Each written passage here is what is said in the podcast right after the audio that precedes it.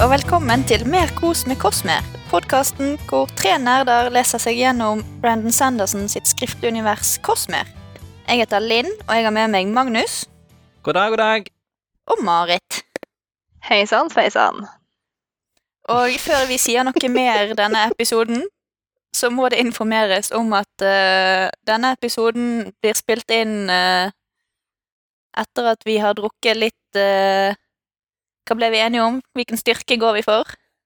Jeg tror ikke, jeg tror ikke det er sånn uh, fulett, uh, men jeg tror vi er på rød i hvert fall. Ja. Ok. Jeg har ikke fått med styrkegradene, så Men Ja. det, det var veldig kjedelig Magnus med rød, da. Sterkere enn gul, i hvert fall. Ja. Ja, det er ikke gul vin. Nei. Det er definitivt ikke oransje vin. Herr humor jeg ikke forstår. Så når den uh, er ute av eh, veien, så har vi i denne episoden kommet til del to av The Way of Kings. Første boken i Stormlight Archive. Stormlight-delene de er jo ganske lange, men vi syns òg de er ganske spennende. Mhm. Så det går ganske raskt å lese de, forhåpentligvis. Få eh, høyoppløselige bilder for de som hører på lydbok og leser på e-bok på Discord-serveren vår. Eller bli med i diskusjonen vår der. Og finn oss på Instagram. Linker ligger i episodebeskrivelsen. Vi har jo fått en shout-out på Instagram av eh, Anne Maries Bookish Life, som mener at uh, leseopplevelsen vært bedre av å høre på oss. Den tenker jeg vi må ta til oss. Det var veldig hyggelig. Ja, det Men den blir jo det. Leseopplevelsen er mye bedre når du har tre idioter som snakker om det du leser. Vi får folk til å føle seg smart. Ja. Så eh, bear with us mens vi fortsetter inn i uh, interludesene i, etter første del. Yes. Det er min favorittdel med bøkene, interludesen. Det er så digg når du kan begynne på på nytt igjen. ja. Og siden vi likevel snakker om de, Marit, vil du eh, starte med interlude 1 Ishik? Det der var ironi som til og med Syl kan forstå. Ja. Uh, yes, interlude 1. Fiskeren Ishik bor i Pure Lake, et samfunn et annet sted på Roshar fra dem vi har sett tidligere. Ishik har blitt leid inn av en gjeng utlendinger for å finne en mann de leter etter. To av de fremmede mørke som makabaki, men kroppsfasongen deres er ikke helt riktig for makabaki-folket. Ishik kaller dem Blunt og Grump. Grump er en stor, skalla mann som sier 'skjønner du?' eller 'venn' på slutten av hver setning. Han kaller den andre mørke Vao. Den tredje er brun som en aleti, men med feil form på øynene, og han har et stort arr. Ishik kaller han for Thinker, men Vao, eller Blunt, kaller han for Temu. De tre mennene er irritert fordi Ishik ikke har klart å finne mannen på fem måneder. De har forklart Ishik at mannen har et spisst ansikt, han er rappkjefta, har hvitt hår, og han er kjent for å endre hårfarge og for å bruke forkledninger. Og som vi lærer mot slutten av interluden, så heter han Hoid. Da, da, da. Bam, bam. Jeg hadde også vært sur om det hadde vært bløt på fotene i fem måneder. Men, Men det jo det Ishik fordi du, liker det jo. ja, du er ikke en pure laker. Nå er ikke altså. Men du kan tenke deg hvis du kan gå rundt i sånn vann som er 30 grader, 25-30 grader, kan bare gå rundt og vasse i vann som er varmt, liksom. Jeg tror det er ganske digg. toast much. Ja, men det spiller ingen rolle. Svisketær. Mm, det er ekkelt på, på hendene, men det er kanskje ikke så ekkelt på tærne. Nei, det er liksom det. Nei, ja, så lenge det liksom er eh, en pure lake, og ikke mudd, mudder. Du må huske det, Marit, at alt på Roshar er stein. Hm. Det er ikke leire, og det er ikke jord, og det er ikke sånne ting her. Det er ikke tenkt over, men det gir mening. Ja, Så Ishik han eh, lever det fine liv, han. Han eh, kan ikke skjønne hvorfor disse fremmede går med støvler eller eh, sitter på bord som er over vannoverflaten. Nei. When in Pure Lake, Du er the pure Lakeians? Ja. Det det jeg bruker å si. ja, de gjør jo ikke helt disse her, da. Um, det er jo lagt opp litt grann, da, til at eh, man kanskje skal uh, se litt nærmere på disse fremmede. Ja, fordi at nå, har jeg, nå står det jo i talking pointsene våre at Magnus har avslørt hvem de her fremmede er. Og at jeg har glemt hvem det var, men nå har jeg innsett det nå når jeg har tenkt meg om en gang. Ok. Hvem er de, Marit? For den her skjønner du, og venn på slutten av hver setning er jo eh, en eh, Det er jo en referanse til vår venn Galadon. Som Stemmer sier. Sule. Ja. Som betyr broman på hans eh, Jeg husker ikke, hva- han heter Hva den etnisiteten hans er. Skal du si hvilket folk han er ifra? Han er fra Elantris. Ja, men ifra Altså hvor han På Sel, da. Han er jo ikke fra Elant... Jo, han er fra Elantris. Å, Nei, han er ikke fra nei, Elantris. ikke- altså, nå går- datt det jo helt bort for meg. Jeg klarer ikke å huske på det heller. Eh, Ja, det er ikke så viktig, da. Nei. Men her så sier han Skjønner du, eller venn på slutten av hver setning. Men han sa jo i Elantris så sa han jo Sule, selv om det ikke var språket til Rauden og de andre han snakka med. Så jeg lurer på om han har begynt å si Sier han eh, venn på dem her sitt språk, eller sier han Sule? Eller har de samme språk? Hvis de har samme språk, så er det litt rart. Nei, de snakker et annet språk, men de snakker et felles språk seg imellom, de tre fremmede. Og så Ja. snakker de ett språk til Ishik, og Nei. når han snakker til Ishik, så sier han 'friend'. Ja, men det er rart han sier friend og ikke Sule. ja, men jeg tror at det er litt hva du er vant til òg. Altså, for det, her er det jo et språk som er fra en annen planet fra der han er. Så jeg tror han er bare Ja, Men han har fremdeles vanene sine. Ja. Det er litt sånn hvis du sier, snakker på engelsk, så vil du kanskje ha tatt med deg noen av de ordene som du bruker så mye engelsk, så du bruker på norsk. Eh, men hvis du snakker spansk, så hadde Ja. du på en måte konsentrert deg litt mer. Mm. Jo da, sant det. Ja, så det er Galadon. Og så er det en til vi kan kjenne igjen. Som heter Temu. For Temu, det minner meg om eh, Det minner meg om Det minner meg også om et navn fra Elantris, men jeg husker ikke hva jeg minner meg om fra til å oh, herregud, det var Ikke, sånn- ikke Elantris, han er fra Mistborn. Ja, OK. Jeg, jeg, jeg føler at uh, Magnus har sagt hvem, jeg husker ikke hvem det er. Jeg føler at det, det minner meg om navnet som, de, som uh, Galadon og Raden bruker når de er inne i Uh, Kalo? Kol, kol, Det er Kalu, nei, det. Kalu, det. Kolo og Sule er de to som Geladon bruker om en annen. Det er venn og Nei, men, skjønner du. ja, men de, de navnene som de har når de er inne i byen Jeg tenker Baloo, men det er jo Disney. Det kalles sikkert- Nei, Ra Raden eh, bruker sin uh, sule Nei, sin dula. Duladel er de fra. Mm. Sin uh, duladel-personlighet som heter Kalu. Ja, OK. Ja, det, er det, det er det jeg. tenker på da, når det står Temu der. Ja, men hvis du prøver å si eh, Temu med en litt mer fransk aksent Å ja, ja, for det er han, eh, det er han fra Hæren som vi ikke møter så veldig mye. mm. Mm. Demo. Demu. Temu. Å ja, han Demo. møter vi jo litt. Vi møter Mm. Demo litt. Ja, for Demo og Temu er jo samme greia hvis du ikke hører så godt. Eller Ja. hvis du har et annet språk. Mm. Eh, den siste her da er jo noen ingen av dere har møtt tidligere, og det er jo eh, Baon. Uh, han er fra White Sands. Hæ? Hvem det? Det er Blunt og Grump. Ja, Blunt. Vao. Blunt, eller Wao. Uh, en Ja. mann som heter Baon. OK. Uh, han skal vi møte senere en gang. eh, hvis vi finner ut vi skal Vi har vel sagt vi skal lese tegneserieversjonen av White Sands, så ok. Det kjenner jeg at det kan jeg ikke tenke på akkurat nå. det er helt ok. Poenget er jo det at det her er tre World Hoppers, da. Mm. Som leter etter en fjerde World Hop. Så det her er jo da etter Mistborn, da. Mm. Mm. Og Mistborn Elantris. 1. Og Elantris, ja, som du sier. Og etter, ja, etter Elantris. Men, men Elantris er jo den enn så lenge den første boka kronologisk her. Ja. Mm. At jeg er litt usikker på om White Sands foregår før eller etter, da. Men jeg tror at Elantris er den første. Ja. Men, men eh, igjen, Brandon har ikke helt bestemt seg for tidsintervallet mellom uh, Elantris og de andre. Så ja. Det må være innenfor levetiden til Galadon, i hvert fall. Ja, Men han er jo, han er jo lantrier, så han lever vel ganske lenge. eh, Ja, han lever vel teknisk sett eh, helt til han ikke orker mer. Ja. så Selv om han er langt unna Elantris. Jeg er litt usikker. det vet vi ikke ennå.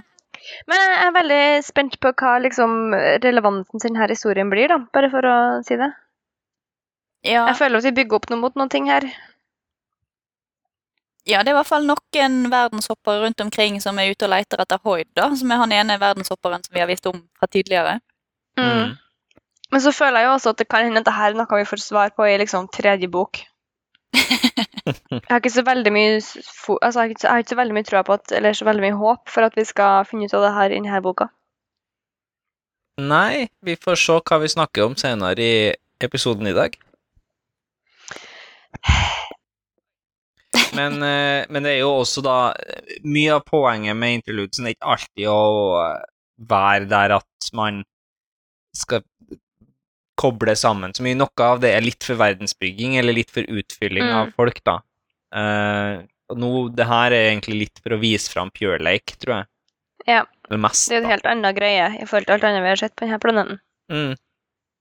Du har jo en eh, Han, han driver jo og snakker om eh, fisker som gir magiske evner, eller helbrede, eller whatever, da. Så det er jo Det er noe her. meg, eller det husker ikke jeg noe veldig godt. ehm, Han sier jo at han kan fange en fisk som hjelper dem å finne Hoid. Det var veldig rart. Jeg, Eh. jeg lurer på om mye av dette her er overtro, altså. Nja Basert på reaksjon Altså, han, han fanger jo en fisk til hun der uh, Maib. Ja. um, som hun da føler hun virkelig må gjenbetale for. Og det var en sånn fisk som skulle kurere den ondten hun har i foten, eller hva det var. Igjen, jeg tenker det er mye overtro her, altså. Ja. Jeg er ikke vil sikker ikke, på det. Jeg vil ikke legge for mye stokk i uh, alt som skjer rundt omkring her. Nei. Um, min takeaway fra denne interluden er ikke ikke lols, og forholdet han har med Maib er lols, og vi har noen world hoppers, og så går vi videre. Ja, ja, greit nok. Skal ikke krangle. Jeg tror at det kan være noe med fiskene, men eh, jeg har ikke noe ytterligere bevis for det. Nei. Vi får se da, Magnus, Mm. om, vi, om det dukker opp igjen. Jeg vet ikke dere, liksom. Nei. Eh, ja, nei, det, det styrker jo teoriene min om at vi ikke får så veldig mye svar på det her så fort. Nei, det kan jo hende at vi treffer disse karakterene igjen på andre steder, Marit. Det er ikke det, men uh akkurat fiskekulturen i Pure Lake er ikke noe vi har en eh, dyp forståelse for. Nei. Men uh, ja, jeg uh, igjen, jeg har sagt det jeg mener å si. Ishik er drittidig, syns jeg. jeg syns det er gøy med gudene deres. At de, uh, de later som at de tror på broren til den ene guden. Ja, de driver, de driver og dekker over at de tror på, eh, på guden sin, og så driver de Det er et veldig mer slitsomt forhold, ass, til Gud. Ja. De later som at de tror på én gud, mens de egentlig tror på en annen gud. Men den guden de later som at de tror på, han er veldig sjalu. Så han kommer til å fucke Ja. opp for dem. Hvis de, Det er veldig eh, rart. Ja. Det her hadde sett likt. ja. det her er Det er. Seiset-mat. Ja. Mm. Men uh, utover det så har ikke jeg så mye annet å si om uh, Ishik, føler jeg. Nei. Nei. Jeg, eh, jeg har jo kommentert på at woke Marit syns at det her rasebeskrivelsene er litt sånn uh, ubehagelig. Det står sånn, ja, Kroppsfasongene deres er ikke riktig for makabaki-folket, og noen har eh, for store øyne, og Jeg bare, jeg syns hele greia er litt sånn iffy, men eh, men jeg, jeg skjønner jo at du må forklare det på en måte òg, at det er et poeng med at du skal komme fra, fra forskjellige plasser og sånn, men det er bare Mm. Jeg vet ikke. I det klimaet vi er i nå, så er det, det er iffy. Ja, jeg, jeg skjønner det. Ja. Jeg òg det er veldig sånn rasebeskrivelse, men jeg føler at akkurat her så må han poengtere noe, for han skal Han skal få deg til å tenke at dette her er verdenshoppere. Mm. Du må prøve å tvinge, må tvinge det fram på en måte. Mm.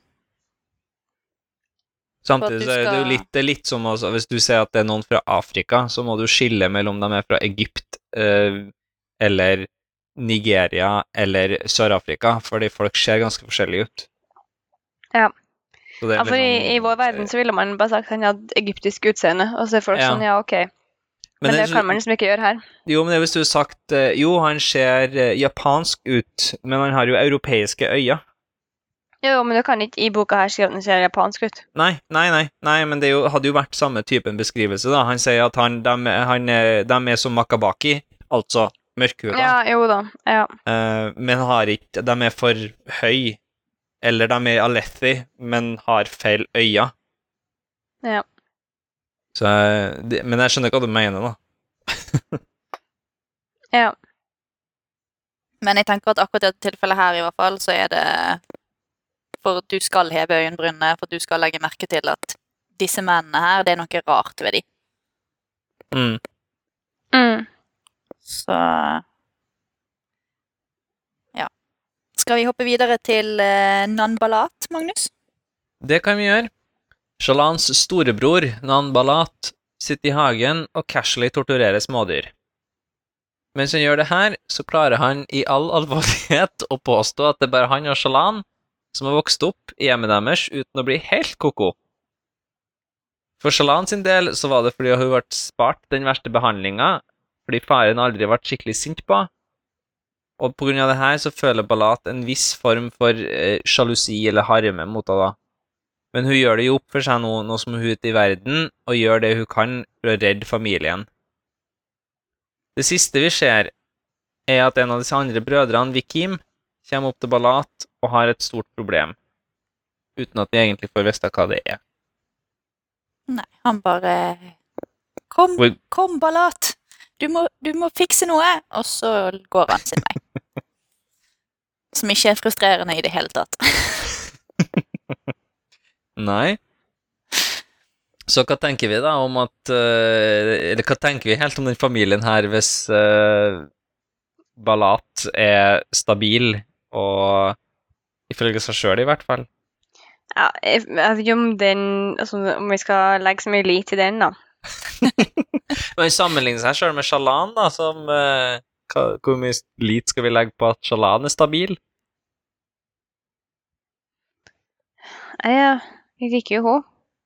Ja.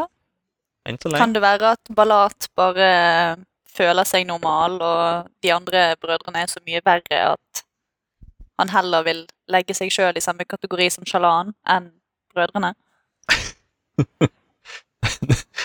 Det er Men jeg, jeg, eh, jeg lo kjempemye når jeg satt og leste dette her, og han bare ja, det er bra meg og Shalan er oppgående, for de andre er helt på styr.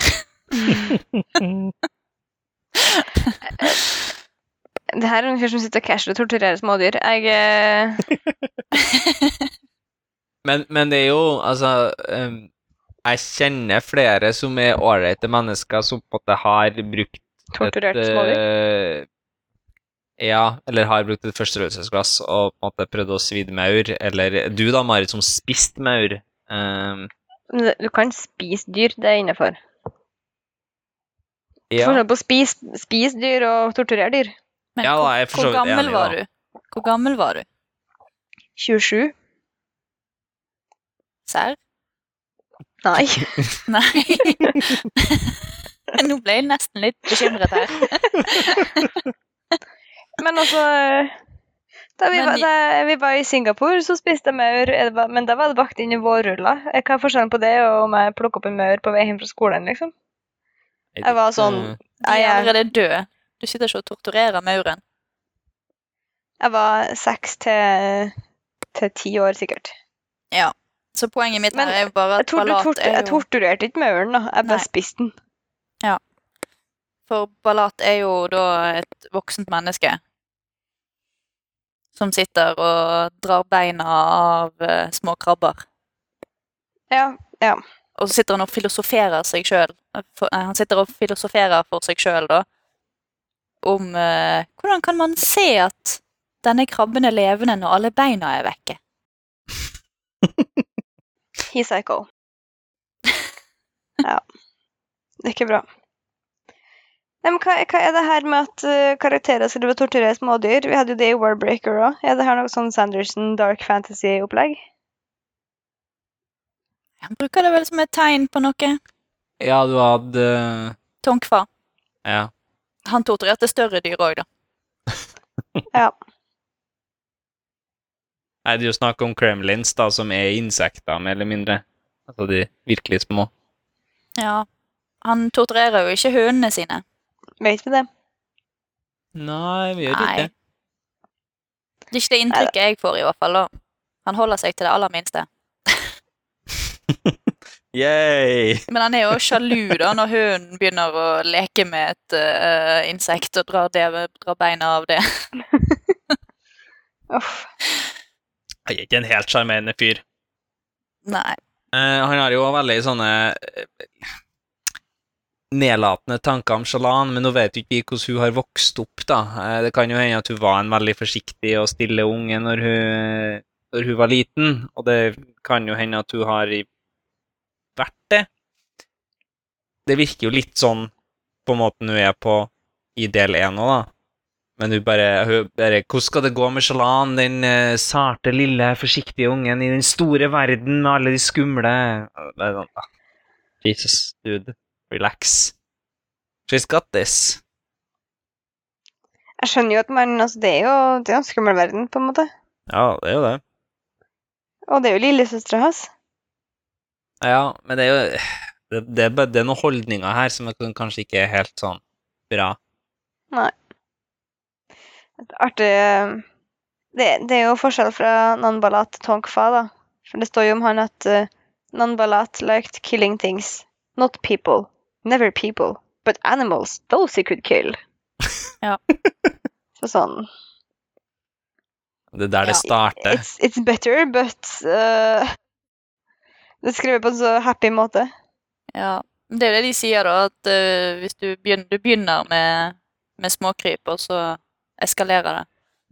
Ja. Men, uh, men ja, så er det, det er droppet litt grann eh, informasjon her òg, da. De har visst eh, en eldre bror som forsvant, som er antatt død, Mm. som het Helleran. Eh, han stakk av et år før faren døde, og så har ikke de hørt fra han. Nei. Det, det, det hinter til ganske mye traumer her, føler jeg. Hvis alle brødrene enten har stukket av eller er blitt klin koko. Tror ikke han eh, pappa da var en eh, god person, basert på det her. Du tror ikke det? Nei, det virker jo ikke helt sånn, da. Hvis han ene torturerer, og han påstår han Altså, en av dem torturerer smådyr, og han påstår han er den mest stabile av dem. Ja, men uh, igjen, uh, han har ikke så mye kredibilitet på det, da. Du kan jo over ålreite brødre ellers. Ja. Det er sant. Vi vet ikke noe om de andre. Det er helt sant. Nei, vi får vente og se, da. Men jeg er enig i at uh, det ringer noen varselslamper. Ja. Det er et par røde flagg som går opp her. Ja. ja. Så spørsmålet er hvilket problem han kommer med, da. Det vet ikke vi. Nei. Nei. Og vi har egentlig ingen forutsetninger for å vite noe om det heller. Nei. Jeg må si, skal jeg være helt ærlig, så aner ikke jeg hva det er det refererer til engang akkurat nå. Nei. Skal vi gå videre til Z, da? Nei, en ting først, da. De har en, eh, de har en eh, kultivert hage. Ja. Altså en, en planta hage med gress som er trena til å ikke Eller som er avla opp for å ikke trekke seg tilbake, og litt sånne ting. For at det skal være fint å se på? Ja, og for at du kan være i hagen uten at alt gresset forsvinner. det er så Ja. merkelig å tenke på. Botaniske Mm. fakta fra Magnus. Ja. Jeg, sy jeg syns den her um, faunaen på Roshar er ganske skøy. Ja. Det er ganske sånn Det er veldig sånn Det er veldig annerledes, og det Det blir ikke like hamra inn her som den der aska som faller på, på Scadrial. Men den er der like Det er hele veien en sånn hinting og en sånn poking om at husk på at det- det er litt annerledes natur her. Jeg føler at det er, mer, det er mer organisk, men det er lettere å glemme. Ja. Men, men er det samme her som altså, er det Samme i Pure Lake som overalt ellers? Hva tenker du på? Nei, altså ellers så er det jo liksom bare stein overalt, og innimellom så krutter ut litt gress og rock buds, hva enn det er. Som kommer ut når det er storm. Men, men er det sånn i Pure Lake òg, eller er det liksom Jeg bare ser for meg at det er mer frodig, men det er kanskje ikke det. Det er bare vann. Det er en ja, det er stor bare- innsjø. Ja, OK. Det, det er bare vann overalt der. Det er det, det Jeg tenkte at det er vann litt over ankelen din. Det er minimumsmengden med vann som kommer, og så er det jækla stor Det er jo en jækla stor innsjø med veldig lav vannstand. Mm. Ja, for de snakket vel om at det dypeste er ca. to meter eller noe sånt. OK. At, Har ikke det liksom- referansen. Nei, jeg, jeg tror det er noe sånt. Cirka, cirka to meter. At det var liksom høyden til en mann omtrent. Ja. Um, det var liksom det dypeste. Og Du har en annen referanse til høyden på menn enn det jeg har, Linn. det, Kanskje det var six feet, så kanskje det er 1,80. Kanskje det var det var, det var noe rundt der, i Mm. hvert fall. Uh, så vidt jeg kan huske. Ja. Uh, så der er, det, der er det utelukkende innsjø, vann. Jeg ser for meg at det er ganske klart, siden som Magnus sier, det er ikke noe særlig jord og sånn her. Nei. Det- Um, Jeg tror Pure Lake jeg, jeg tror det er på en måte krystallklart vann. da. Jeg tror du ser fiskene, og du ser på en måte det som skjer på der du tråkker til enhver tid. Men så det er liksom det at det ligger i Det blir må, å, Hva skal jeg si dette her? Det blir behandlet som en selvfølgelighet at det er sånn floraen og faunaen er. Ja. Mm. Uh, det blir ikke trøkt i trynet på deg i like stor grad som det blir i Mistborn. Nei. Nei, du har rett i det. Det er litt mer blunt force. eh, Det er aske overalt i Mistborn. Og så har det vel kanskje litt mer med plott å gjøre, da, at fordi askefallene blir verre etter hvert og diverse. Ja, så vidt. Så det har vel litt Det med blir det blir ikke noe noe rockbud attack her, er det dere sier? Ikke Mm. ennå. Vi har jo ikke lest ferdig, så vi vet jo ikke. Nei. Men enn så lenge så er ikke det The Return of the Rockbuds i uh, Stormlight. Jeg tror det på det. Turn off the rockbuds. Skal vi gå videre til uh, interlude 3? -hmm. Mm -mm. Det er da Sett som vi møter igjen. Og da er det gått uh, seks år etter attentatet på kong Gavilar. Og nå har han blitt tjeneren til Tuk, som bruker Sett for å få oppmerksomhet og øl fra innbyggerne i landsbyene de reiser gjennom. Vi får se hvor bokstavelig Seth følger de han tjener, og at dette har en sammenheng med en gjenstand han kaller en ærestein, eller en oathstone. Hvis noen holder denne steinen, så må Seth følge enhver kommando, unntatt kommandoen om å drepe seg sjøl. Seth er i bunn og grunn fornøyd med Tuk som mester, da han bare må gjøre generelle oppgaver. Han blir ikke tvunget til å slåss eller å drepe lenger. En kveld så har Tuk drukket seg snydens og faller plutselig om. Det viser seg at han har blitt myrdet av noen banditter. En av bandittene plukker opp æresteinen, og plutselig er sett igjen i nye hender. Så dette var jo et kjent ansikt, Marit. Z? Ja. Eller Took? Sett. har ikke vi dro før, tror jeg. Ja, det er et kjent ansikt. Took jeg det, og vi har en ny uh, Ny master, skal du si. Mm. Mm. Og han banditten vet vi ingenting om. Men det virker som noe som sett har bytta eier flere ganger her nå, da. Eh, Og at han det, det må være ganske slitsomt å være sett, tenker jeg. Ja. Han virker som han bare er fornøyd så lenge han slipper å drepe folk. Ja. Jeg, bare- jeg syns det er så trist når han forteller om at han blir liksom bare Det er som ta den sett og la den vandre. og eh, alle syns det er greit å ha en tjener helt til de liksom De får en sånn følelse av at han er viktigere enn han framstilles. Ja, og så tror jeg jeg, tror vi, jeg vil tro det at det går litt på Hvis de stiller en et spørsmål eller ber han om å gjøre noe, og så er han ikke lært opp til det, og så får han til å gjøre det. Mm. Altså Hvis den er sånn Ja, ta og plant de her eh, frøene uten informasjon, og så bare går han og gjør det perfekt. Ja, det er rart. Jeg, jeg tror det er litt det det går i. Ja, for det er, en, det, er en, det er en setning i den interluden om at han er smartere enn de, eller har en Mm. bedre utdannelse enn de, Mm. på sett og vis. Og at de da føler at det er ukomfortabelt å skulle være høyere i hierarkiet enn han. Og at de derfor sender han fort videre. Jeg skjønner det. Altså, hvis jeg har hatt noen som gjorde alt det jeg sa, og så er det samtidig føler jeg at de er på en måte eh, bedre enn meg på mange Ja. måter.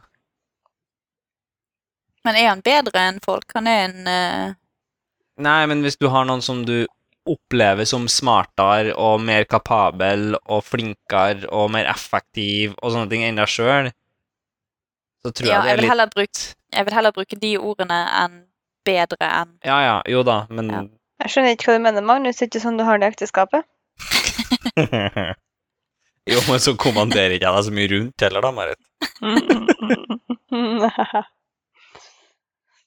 Moving on!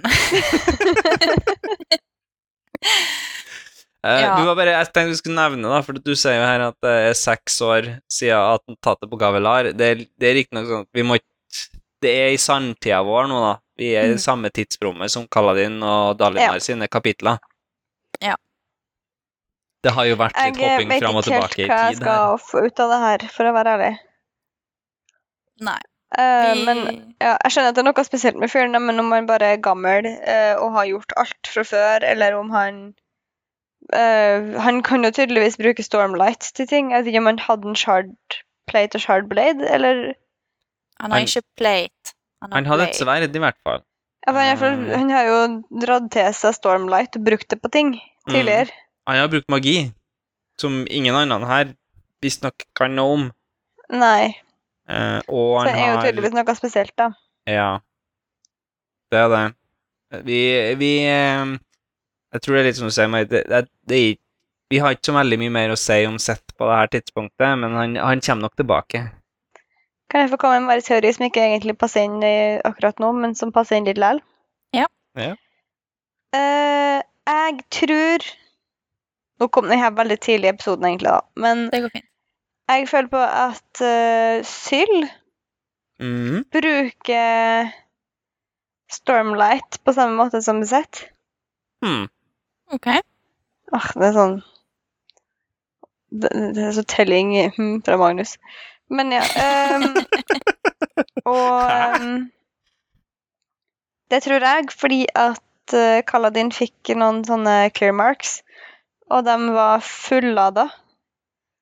Mm. Men de ble veldig fort tomlada, så jeg tror at Syl bruker Stormlight fra Clearmarksen til Kaladin for å gjøre ting hun ikke burde være i stand til å gjøre. Mm. You heard it here first, people. Notert. Notert. Ja. Men det er jo egentlig en grei eh, overgang over til uh, Kaladin sin eh, plottlinje. For vi har jo ikke så mye mer å si om Sett, føler jeg.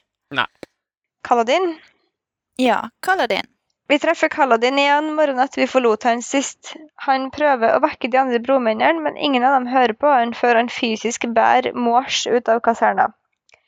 Kaladin sier at de burde trene for å være bedre forberedt på broløpene, og han skal gjøre det han kan for å forhindre at flere av dem dør.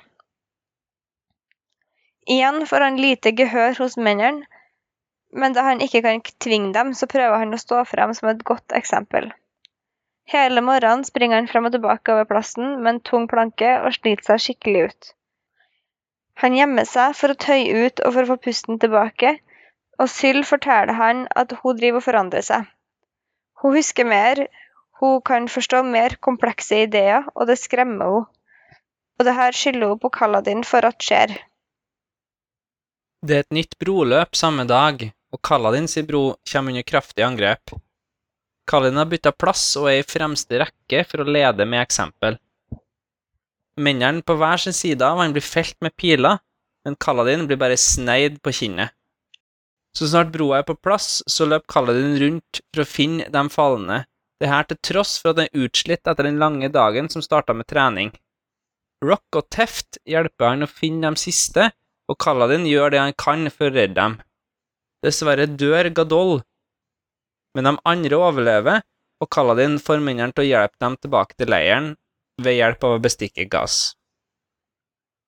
Dessverre får han ikke mer hjelp av gass, og de sårede mennene blir nekta både mat og lønn. Kaladin ender opp med å dele sin mat med Dabid og Leighton, og Rock deler sin mat med Hobber, som takk for at Kaladin løp i fronten i stedet for han. Kaladin han trenger eh, desinfeksjonsmiddel til de skadde, og han får Gass til å gi hans bro jobben med å hente steiner til soulcasting. Den jobben skjer der Kaladin har sett planter som inneholder en væske som holder forråtnelsesbrenn borte. Rock, Teft og Syl de hjelper Kaladin med å finne disse plantene som de kan melke seinere. Mens de jobber, forteller Rock hvordan han ble en bromann. Teft nekter å fortelle sin historie, men Kaladin lar det slippe ut at det ikke var mord av en lyd på en lysøyd som har ført han til denne skjebnen. Det var heller det at en lysøyd likte dårlig at Kaladin avviste en gave fra ham, og det er derfor han er gjort til slave. Jeg liker det at du har en av-på-feil her. Som trøndersk av-på-feil. Det er deres feil. Du retta deg sjøl fra av til på, Linn. Det er deres feil. Altså, jeg rette det til meg. Du trenger ikke å si det på nytt, det går bra. ok. Å nei, vi satte pris på det. Mm. Kaladin selger deler av vesken til en apoteker, men før han får gjort noe mer, blir gjengen hans sendt ned i kløftene for å lete etter verdisaker fra soldater og andre som har endt opp der nede. De andre bromennene snakker ned Kaladin og erter han, spesielt når de ser han plukke opp et spyd. Spydet vekker dype følelser og minner hos Kaladin, og han utfører en kata. Da slutter bromennene å hakke på han og ser heller på han med undring. Teft prøver å forklare Kaladin hva de så i han, men Kaladin er flau og vil ikke høre etter. Etter jobben tar Kaladin med seg Rock og kjøper inn utstyr og ingredienser til et kveldsmåltid som kokken Rock steller i stand. Han får lurt alle mennene rundt bålet, og morgenen etter så blir flere av dem med på treningsøkta hans. Lurt og lurt, det var jo god stemning. Ja, det er jo det. Jeg, jeg, Ja. jeg er litt stolt over kokken Rock. Ja. Han er en rockekokk. ja. Takk, takk for den her eh, litt dempa latteren. Det var omtrent akkurat det den fortjente. Jeg er enig i det. Dok, dok, du er hjulpet av vinen i dag, Magnus, tror jeg. Nei, det der, eh, den der eh, har jeg tatt eh, Jeg har skrevet den for lenge siden. Ja, Rock.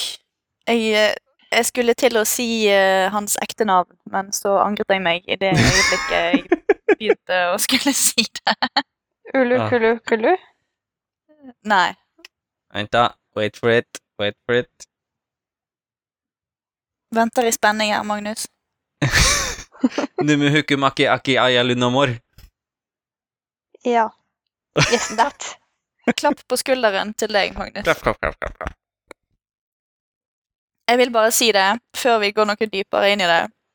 Det å høre på lydboken når Rock er med i en scene, er fantastisk. Hvordan da? Nei, det er bare måten han blir uh, lest opp. I will do this thing. det er liksom bare Den her, den aksenten eller den dialekten han har fått, er bare mwah. Jeg ser for meg en som en sånn russer. I will do this thing. This thing pleases me. Nei, Ja, du, må det tenke, du må tenke Hawaii, Marit. Ja, nei, for det gjør ikke jeg. Nei, men det er det jeg tenkte. Jo, Det er men sånn eh, det er det som er fint med bøkene, Magnus. Du kan få lov til å tenke akkurat hva du vil. Ja, men jeg, jeg, er, jeg er litt enig med Marit i hvert fall måten det blir lest opp på i lydboken. Det er liksom Ja. sånn uh, stereotypisk russisk skurk. Men det er feil. Sorry. Jeg skal slutte å være sur. Nei, men det er, det er bare det, Jeg syns det, helt- det er helt nydelig. Det er helt nydelig. Ja, jeg syns det er artig. Han, han er god til å få inn eh, personlighet gjennom eh, språk. Mm, Han ja, skal ha det. Det er sant. Han er det Sanderson. ja. Nei, så øh, Denne Airsick Lowlanders Jeg, jeg koser meg hver gang. Ja, det, det er jo Den er jo klasse. Mm. Vi skal legge inn en, en eh, emoji på, på discorden vår som er rock eh, med kokkehatt og sånn mwah. Eh, han Har du funnet en, eller skal du lage en? Nei, det finnes en. Jeg skal stjele den eh, ærlig og redelig fra Seventeen Shard. Gjør det. Men uh, siden vi likevel er inne på rock, da, så mm. det er jo noe sånn mystifistisk med han. Han kan se syld når han ikke burde kunne se syld. Ja. Uh, ja, jeg har liksom ikke Jeg har ikke funnet noen regler for det der ennå. Sånn jeg har ikke akseptert noen regler for det heller, på en måte. Hvis det ga mening. Ja, det gir mening. Det er- gjør jo det. Vi har jo ikke fått noen regler for det, utenom det at det er tydelig at det er bare Caladin som ser henne. Og at han ser ut som en gal mann når han går rundt og snakker med seg sjøl. Ja. Og så kan Rock se Syl. Vi har ikke fått noe mer enn det, egentlig. Han snakker jo om at det har noe med at han er et eller annet. Født som et eller annet, eller Det er litt sånn uklart på det her tidspunktet. Um, men det, har, det er noe med han som person som kan se alle spreaden, eller noe. ja. Jeg husker ikke hva det er han kaller det i farta. Det var det å plukke opp det, da. Men jeg heller ikke plukka opp noe videre. Nei, vi, eh, vi får liksom ikke noe mer enn en det. Um, det er ett øyeblikk der det virker som at de fleste bromennene ser Syl. I hvert fall kan Teft se Syl. Når Når da, det- tenker du? Når Kaladin utfører kataen sin. Ja, for jeg har ikke helt skjønt signifikansen med den der kataen ennå. Nei, det er, det er som plukker opp spydet. Og så har han den mest forferdelige tanken. Jeg, jeg får helt vondt i sjelen når, når jeg leser det, eller hører det, da. For det er liksom sånn Ja, nei, du tenker ikke noe over det når et eh, Når folk puster, eller folk gjør ting som er helt naturlig for dem, og du burde heller ikke være overrasket når du gir uh, Caladin Stormblest et spyd. Det er liksom bare sånn Jeg har lyst til å finne det quotet, for det Det er så jævlig pompøst. Jeg tror du er ganske spot on der, da. Det er sånn. Du var vel ikke overraska når vind blåser, eller når folk puster, eller at Kaladin Stormlisted har et spyd i handa. Ja. så det er liksom bare Ja. Eh, og så utfører han kateren sin, og så blir bromennene overrasket over at han kan bruke spyd. Ja, for de bare trodde det var kødd. Eh, men så kommer Teft, eh, Teft bort til han etterpå, og eh, prøver liksom å snakke, si til Kelladin hvorfor mennene ser på han med beundring, eller det engelske uttrykket er å. Mm. Mm. Um, og sier at det var en sprenn som fløy rundt deg og lyste blått og sånn, så det er liksom sånn mellom linjene at de så syld, da. Ja. Um, men så vil jo ikke Kaladin høre på han. Så, Jeg vet ikke vi hvorfor de, mer eh, enn det. hvorfor de så Mm. syld der. Ja, det er jo et spørsmål, det, da. Um, Hvis det er nevnt en gang tidligere, allerede i kapittel én, når vi, når vi er i Zen sitt perspektiv, Mm. eh, da ser han, når han ser Kelladin utenifra, så er det nevnt at når Kaladin slåss, så er det som et Det er en blå glød, eller en blå Ja, noe som liksom skinner rundt den. Blått. Så det er på en måte en, gjen, en gjentagelse Ja, for det er sagt tidligere, men det var jo egentlig før Syl, da, så vidt vi vet. Ja, hun kan jo ha vært med lenge, hun da, selvfølgelig. Ja, hun har vært med enn et år, og det er omtrent når Zen er inne i bildet. Ja. Så det er litt sånn implisitt, sånn som jeg leser det, uten at det er blitt bekreftet noe sted, så tenker jeg at det er Syl Zen ser òg, og det er det samme som skjer nå når Teft prøver å snakke med Kennedy. ja. Hmm. Så det er på en måte en gjentagelse av det, da. Det gir mening, det. Ja, det gjør jo det. Jeg har ikke helt plukka på det samme tinget som deg, men ja. Det, jeg skal ikke Skal ikke si noe nei til det der. Det gir mening, alt det der. Hva annet har vi om Teft, da? Han har vært soldat, Mm. er det jeg plukker opp på. Og så er han en bitter gammel mann, men det er vel kanskje bare sånn standard. Ja. Ja, vi får vel ikke noe eh, sånn spesiell beskrivelse av alder på disse her, men jeg òg får liksom inntrykk av at Teft er en del eldre. Jeg lurer på om at det nevnes noe om det, men jeg er litt usikker i farta. Han er bitter gammel mann. Ja, jeg, jeg, jeg tenker ikke så mye på sånt. Jeg glemmer, jeg glemmer å tenke meg om, merker jeg. Ja, det er heller ikke spesielt viktig. Det er bare Nei. liksom inntrykket du får når Kelvin snakker med Teft. Det er jo eh, Teft er den første Kelladin gikk og spurte om navnet på i del én, helt på slutten, når han bestemmer seg for å redde disse mennene. Ja. Um, og så er jo han Jeg vet ikke, for jeg føler at Rock har en grunn til å hjelpe Kelladin. Kelladin bytter med han når han tar plassen hans og står først under det, det broløpet vi ser i denne delen. Mm. Men Teft er mer sånn vag, føler jeg, hvorfor han hjelper Kelladin. Den Kelleren snakker om det, da. Han sier jo det at Ja. noen, noen menn Noen menn eh, Noen personer, eller menn, da, som Kelladin sier, based as he is, hashtag bak Magnus Ma- Men jeg må prøve å kompensere, OK? Jeg ble cancela forrige episode. Eh, Nei, men de, han sier det at noen trenger Noen lever for å få skryt, og noen lever, for, men noen lever av å ha et behov for å bli At man trenger noe fra dem. Mm. Og at noen reagerer ekstremt på når du forteller dem at 'jeg trenger deg', og at Teft er en sånn person, da. Ja. Så han har jo på en måte Han har jo flere ganger er på vei ut, og så henter Kaladin tilbake da ved å si at 'nei, men Teft, jeg trenger deg'. Ja. Så det er jo litt det, tror jeg. ja. Så kan det jo være bare at han er innerst inne en god person, da. Nei, vi skulle ikke til samme plass. Nei. Hva sa du? Kaller er en luremus. Å, ja. ja, det Ja. Mm.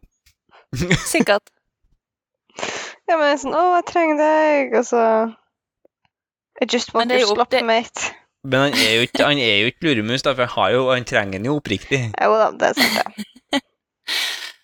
uh, men jeg syns det, det syns det er veldig fint når de er på det broløpet, og Kaladin, han er så sliten. Han, han begynte dagen med å trene altfor hardt. Mm. Går til apotekeren, får slag i trynet om hvor dyrt disse tingene han vil ha, er.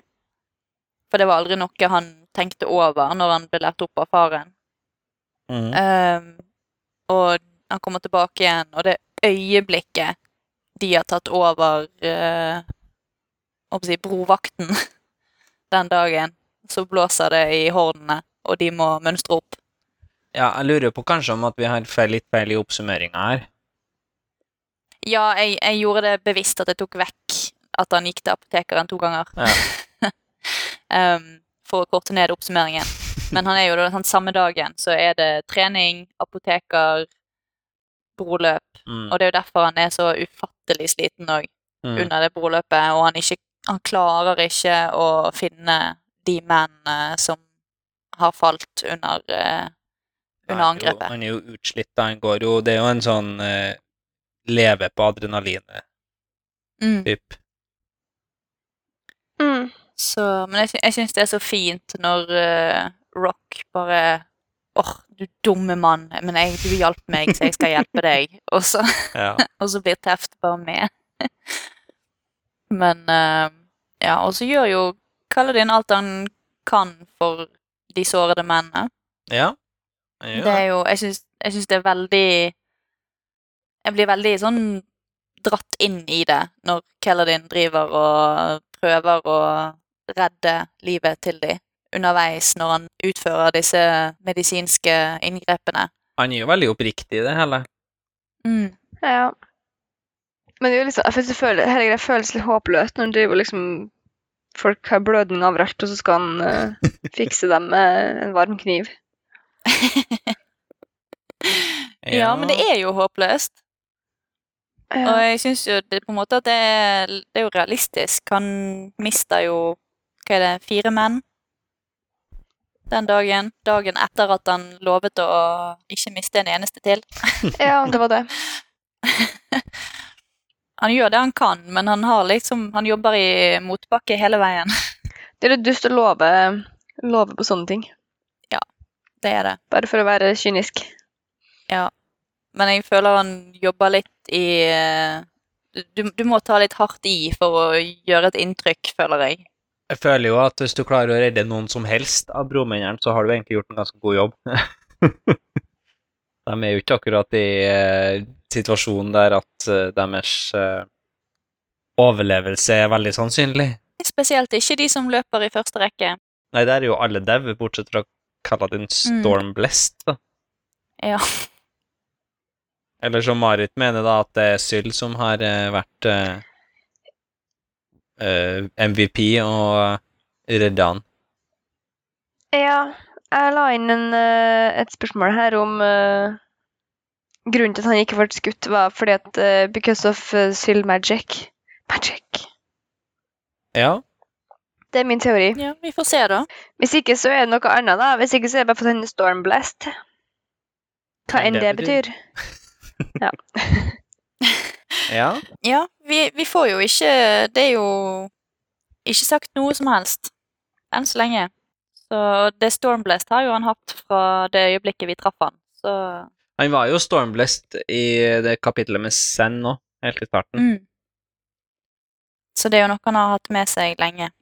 Men, men jeg har jo i prinsippet vært, hatt Syl veldig lenge, da. Som du sier, Linn, så ja. Mm. Hva skjer med Syl? Det er jo spørsmålet. Ja. Hun driver og øh, blir mer og mer sentient. Mm. Bevisst. Sjølbevisst. Men uh, jeg, har, jeg, har, skjønt- jeg har så lite å gå på at jeg har ingenting å si om det. Har du ikke? Har du ingen sånn crazy farfetch-teori? Nei, ikke om Syl. Nei?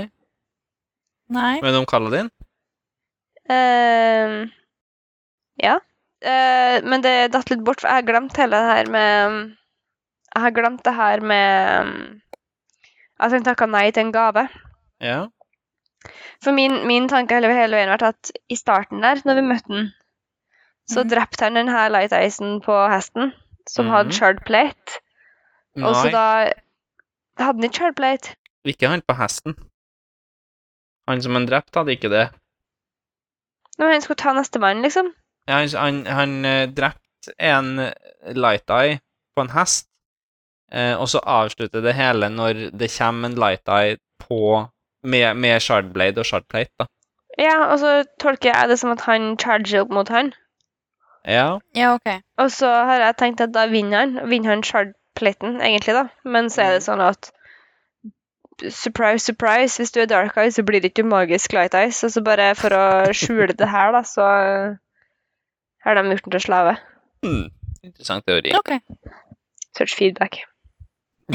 Du får ingen feedback. Men det, det er jo en, eh, en godt mulig teori, Marit. Jeg tror ikke det er sånn hvis du bare slår en person i shardplate, så blir du light eyes. Kanskje, kanskje hvis du slår Seth. For han er ikke shardblade-person, han er en shard, skal du si. Det, Det var en teori ment. som var dukka opp, som var helt ny. Ja, der kom det en teori, bare bam! Seth er en shard. Det var egentlig ikke at han er en shard jeg mente, for jeg tror jeg for så vidt kanskje ikke. Nå er jeg sikkert til for å si det. Men, men han er det jo noe mer ja, kanskje han er en shard, da. Jeg bare så for meg at det var Ja. flere som han, men kanskje det ikke er det. Ja. Nei, ja, vet du, vi stempler den inn. Sett i shard. Hva har du å tape? Sett i shard.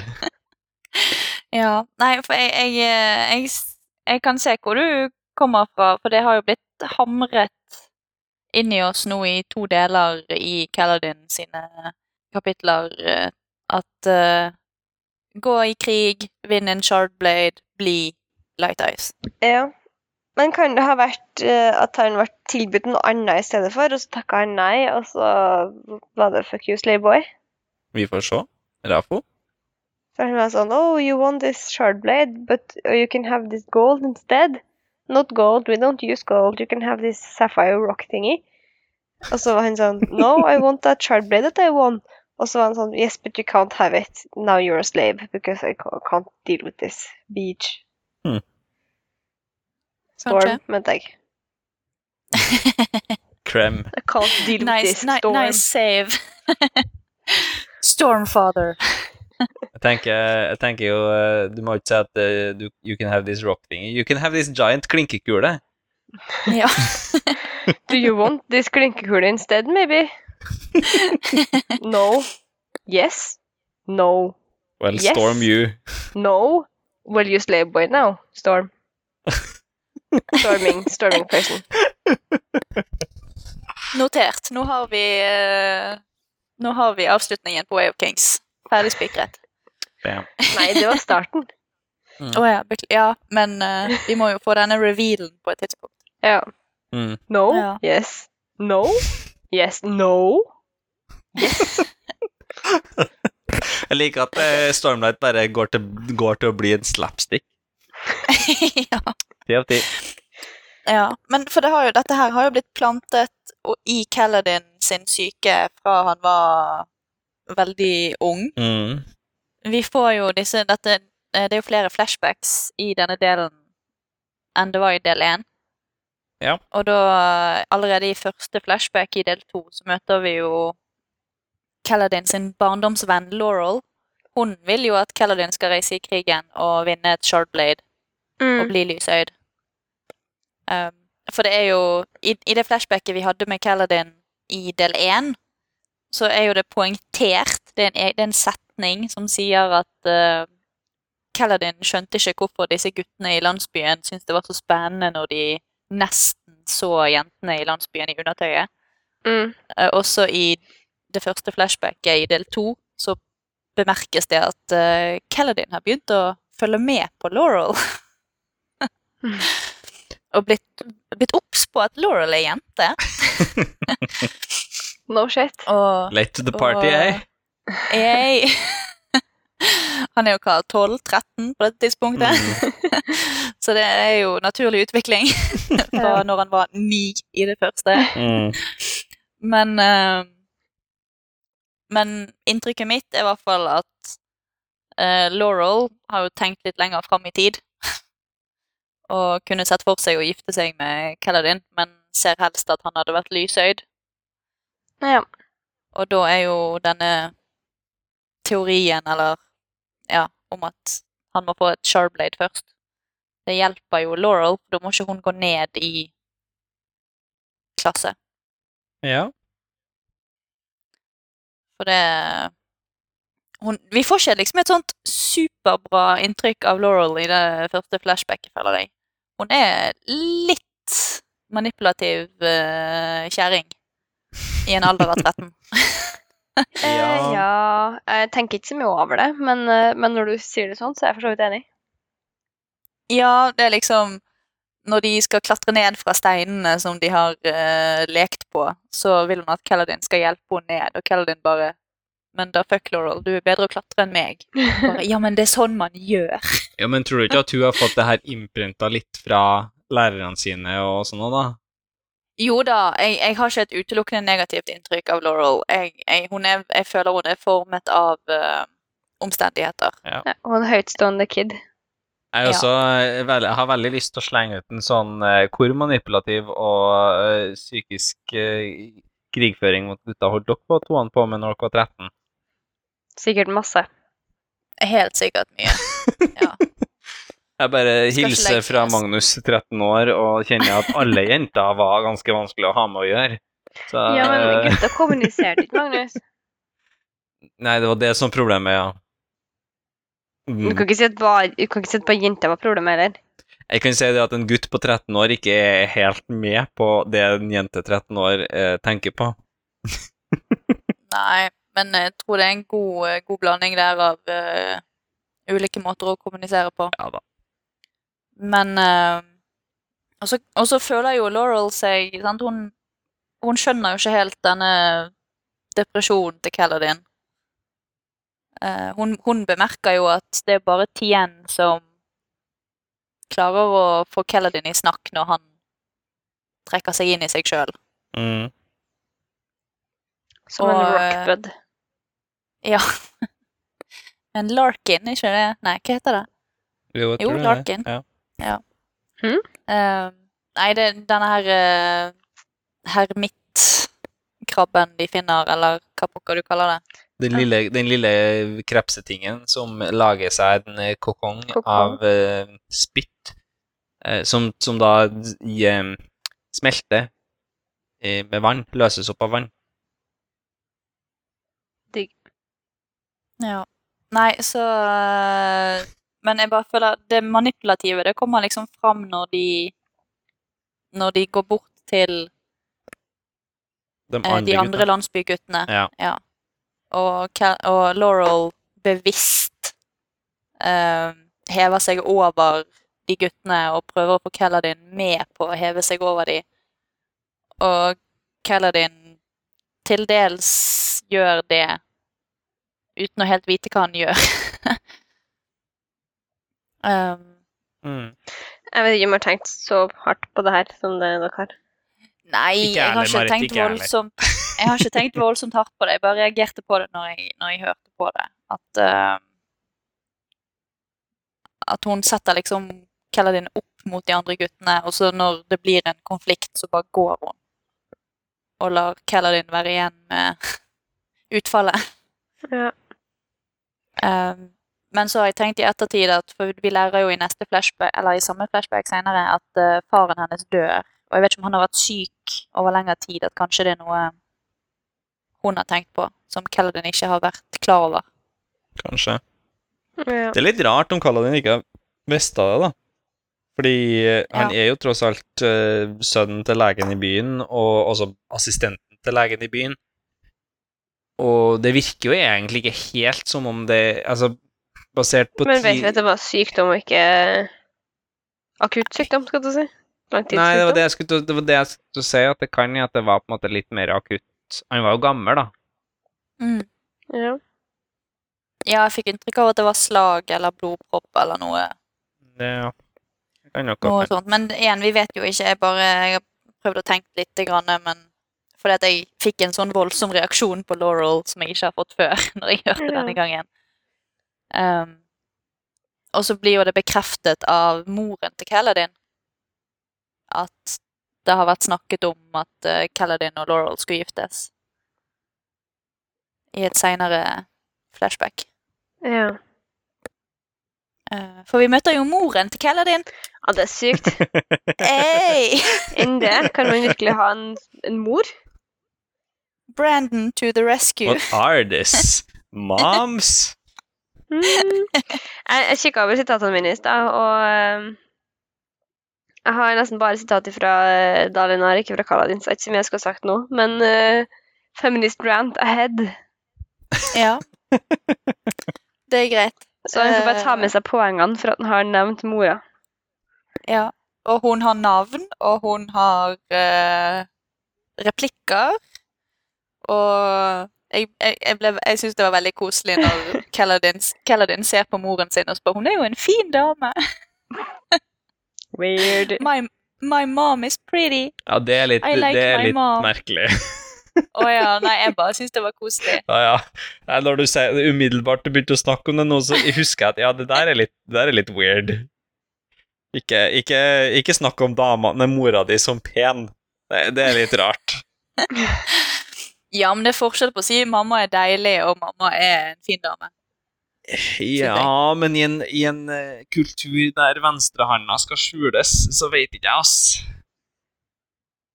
Ja, men i hans kultur så skal han ikke det. Jo. Sånn, det er en hanske. Ja, ja, men den skal jo, du skal ikke se venstrehanda, da. Glove it up. Ja. Jeg er bare, ja, jeg er enig, ass, Marit. Det er litt, eh, litt eh, Det er litt mye ødipus der. Nei, jeg sa ikke det. Jeg har ikke fått med meg så veldig mye om det forholdet, for å være ærlig. Nei, det var bare din umiddelbare reaksjon. Jeg driver og leser første, første gang her. ja. Bear over with me. Det er, ikke noe, det er ikke noe jeg har tenkt på tidligere, sånn egentlig. Det var bare når Linn begynte å snakke om det nå, så er sånn eh, det er, Hva er det her for noe? Mamma min ikke Det er jo bare det det er jo bare det at Kaladin er glad i mammaen sin, og det er fint å se at det er moderlige forhold i denne boken som er hyggelige. Jo da, det er sant, det. Og det er det, hun er jo, virker jo som en eh, ganske smart dame, da. Ja, hun setter jo Kaladin på plass når Kaladin snakker dritt om de andre kjerringene i byen. Mm. Så Det er ganske, Ja. det er ganske god plass i Eller jeg skriver jo seinere her om at at Kaladin tenker at den, etter at han eh, Vistijov eh, dør, da Pappaen til Lara. Mm. Så tenker han at ja, men da kommer kongen til å forfremme en eh, ny byherre, og det er sikkert en som har eh, vunnet i krig og er bra soldat og har gjort noe bra for verden. Og han innser ikke helt at han bor virkelig i Gokk. Og jeg tenker at det er på en måte det at de har én baker i byen, og at uh, hun driver og slenger dritt og baksnakker, er jo et tegn på at virkelig at han bor ute i Gokk. Ja, for så vidt. det er ikke en uh, fremadstormende krigsherre og vinner uh, på slagmarka som kommer hit. det er ikke inntrykket vi får, i hvert fall, føler jeg. Nei. Eh, Det første møtet med Roshone er labert. ja, det kan du si. Ja, for han sier 'jeg gidder ikke helst'. Fy faen, det her er et shithole, sier han. Ja. Ja, det er jo det. Og vi vet jo ikke hva som skjer videre. Jeg føler det er veldig sånn bra avslutning på flashbacksene i denne delen her. Når det er liksom bare Hesina og uh, Lirin, foreldrene til Kaladin, som bare sånn Hva skjer nå? Og de bare Nei, vi får vente og se. Hva Og det, ja, det, var... det, kan, det kan gå begge veier, var det de sa. De, de hadde en Mm. sånn uh, game eh, reference, og den, den ga mening, skal jeg si.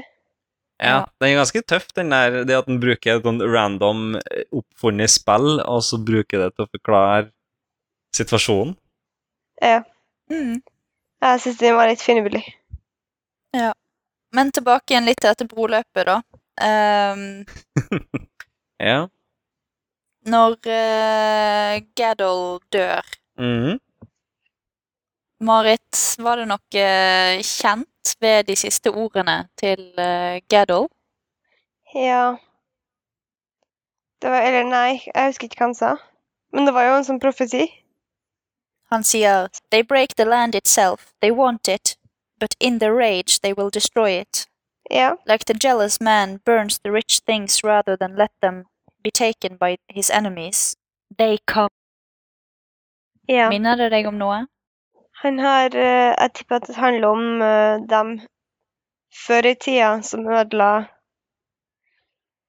Eh, Hvis vi skal gå på liksom, Mer tanker fra. Marit, da, så tipper jeg at uh, de her profetiene som vi har fått tidligere òg i, i epigrafene i del 1, kommer Ja. av eh, folk som Sånn som Dalinar, da.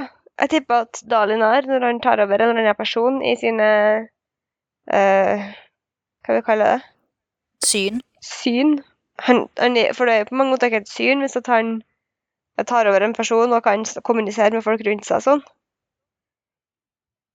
Så du føler at det, du tenker at det er mye av det samme, at de epigrafene vi fikk i del 1, henger sammen med samme mekanisme som påvirker Dalinar? Ja, altså, øh, Hvis jeg ikke skal være så konspiratorisk, da, så tenker jeg at, øh, at det her er altså Bare sånn øverste nivå av min teori her er at eh, at eh, epigrafene er, er profesier som kommer før døden. Og det hadde vi også fra han her fyren på slagmarka. Og det han sa, eh, handler jo tydelig om eh, Det må jo være, det må jo komme fra før i tida, da. Det handler jo om dem som eh, ødela denne byen, som ble Shattered Plains. Ok. Mm. Uh, Men nivået under der går også ut på at eh, det er randoms som tar over folk rett før de dør, sånn som Dalinar gjorde med han her fyren. Som han tok Mhm. over, som jeg antar at uh, døde. Mm. Um, Jeg liker teorien. det er min tanke. Ja. Men hvis du sier at du liker teorien, så er det sikkert ikke riktig. Enten det, eller så er du veldig på riktig vei, da. Det kan jo være begge. Jeg er bare fornøyd med at du koblet det til uh, epigrafene i del 1. Ja. jeg skulle ikke dypere enn det, Marit. Nei. Hmm. Men, eh, men eh, også For det, det, det, det, det tok ikke jeg i det hele tatt når jeg leste det første gangen. Nei. Å ja. Nei. Ja, for det var jo De sa ting, og så var det x antall seconds before death. Mm. Men Ja, ehm, nei, som sagt, jeg tok ikke det i det hele tatt første gangen, så jeg er bare fornøyd med at du gjorde det. men, Alt ehm, annet er en bonus. ehm, men det her som han sa, da, det tenker jeg jo handler om Shattered Plains. Ja, det må jo være fra før i tida. Eller så ødelegger de Altså, Plains er allerede shattered, så jeg tenker at det ikke handler om at de ødelegger dem enda mer. Jeg tror at det er fra før. Ok. Det gir jo mening, det, når de allerede er ødelagt i nåtiden. Mm. Er det noe mer vi vil si om uh, Kaladin? Du, Magnus, har eh, en uh, Ja, det er flere ting her. Eh, vi må jo snakke om Nobweeb Nobweeb Sad Zap? Unnskyld. Hæ? Nobweeb Nobweed set. Nob... Ja, Jesus, Zapp. si. Eh, ja, mm, la oss ikke prøve å uttale ting. Ja, nei, det jeg tenkte Vi kan begynne der, da. Det her apotekerne har jo danna en, en konspirasjonsteori, eller en, en Ikke det, da, men en eh, teori, kabal. er en, en kabal. Eller en mafia som driver og melker plantene på natta, og så selger dyr eh, profitt til, til hæren. For så vidt eh, det, hustle, det, da. Ja. Um, men det er jo bra, da, at Kaladin klarer å spotte fakinga. Mm. Ja, det er Kaladin eller er det Syl? Nei, det er begge, kanskje. Jeg tror det er Kaladin. Det er Kaladin. Jeg tror ikke Ja. Syl tar det der på Syl den kommenterer på at han har veldig høy heartbeat eller noe sånt. Å ja! Gjør, er det Ja, det? Syl- ja, ja, det har jeg ikke tenkt på. Ja, Syl, Men- men Syl det- påpeker at Men det han tror jeg nervøs. etter at han begynner å liksom være litt tvilende, da. Ja. Ja. Og så skal det jo òg bare sies at det er dritlættis første gangen Kaladin går inn hos apotekeren, og han sier at uh, Han spør om ja, du vil ikke ha en sånn uh, love potion, da? Og så bare Du må gi en sånn en til Gas. ja. Hun er så jækla naiv. Helt skjønt greia. Da vil Gas like deg mer. Hvis du gir han en, en love potion, da ja. Det er jo ganske bra når han på en måte Han kommer inn og så er litt sånn krokøyd og går litt med en stokk og litt sånne ting, og så tvert han Kaladin begynner å snakke medisinspråk, sånn så retten bare sånn Ok, hele acten faller bort, da. Ja, Ja, Uh, og det er også andre gangen den kommer inn døra der, så er det sånn Å ja, det er deg, og så bare kaster, retter han seg opp og, og er liksom ålreit. Ja. Jeg synes det er Men det er jo en sånn ting som går igjen. Hoido driver og later som han var blind. og... Jo, men det er jo klart at umiddelbart, hvis du later som du er et eller annet svakere stilt enn du er, da, så vil jo bli oversett, eller altså folk Folk er mer medgjørlige. Ja. Men, eh, men til Syll, da, eh, speaking of, hun har jo er jo i forandring, som jeg snakka om, og har eh, setter veldig stor pris på når Kaladin er æresfull. Hun, hun liker at han holder løftet sitt til gass om å betale den, den ene, ene klinkekula. Ja, Og hun gjør et veldig stort nummer ut av det. Ja. Eh, I do not know what this means.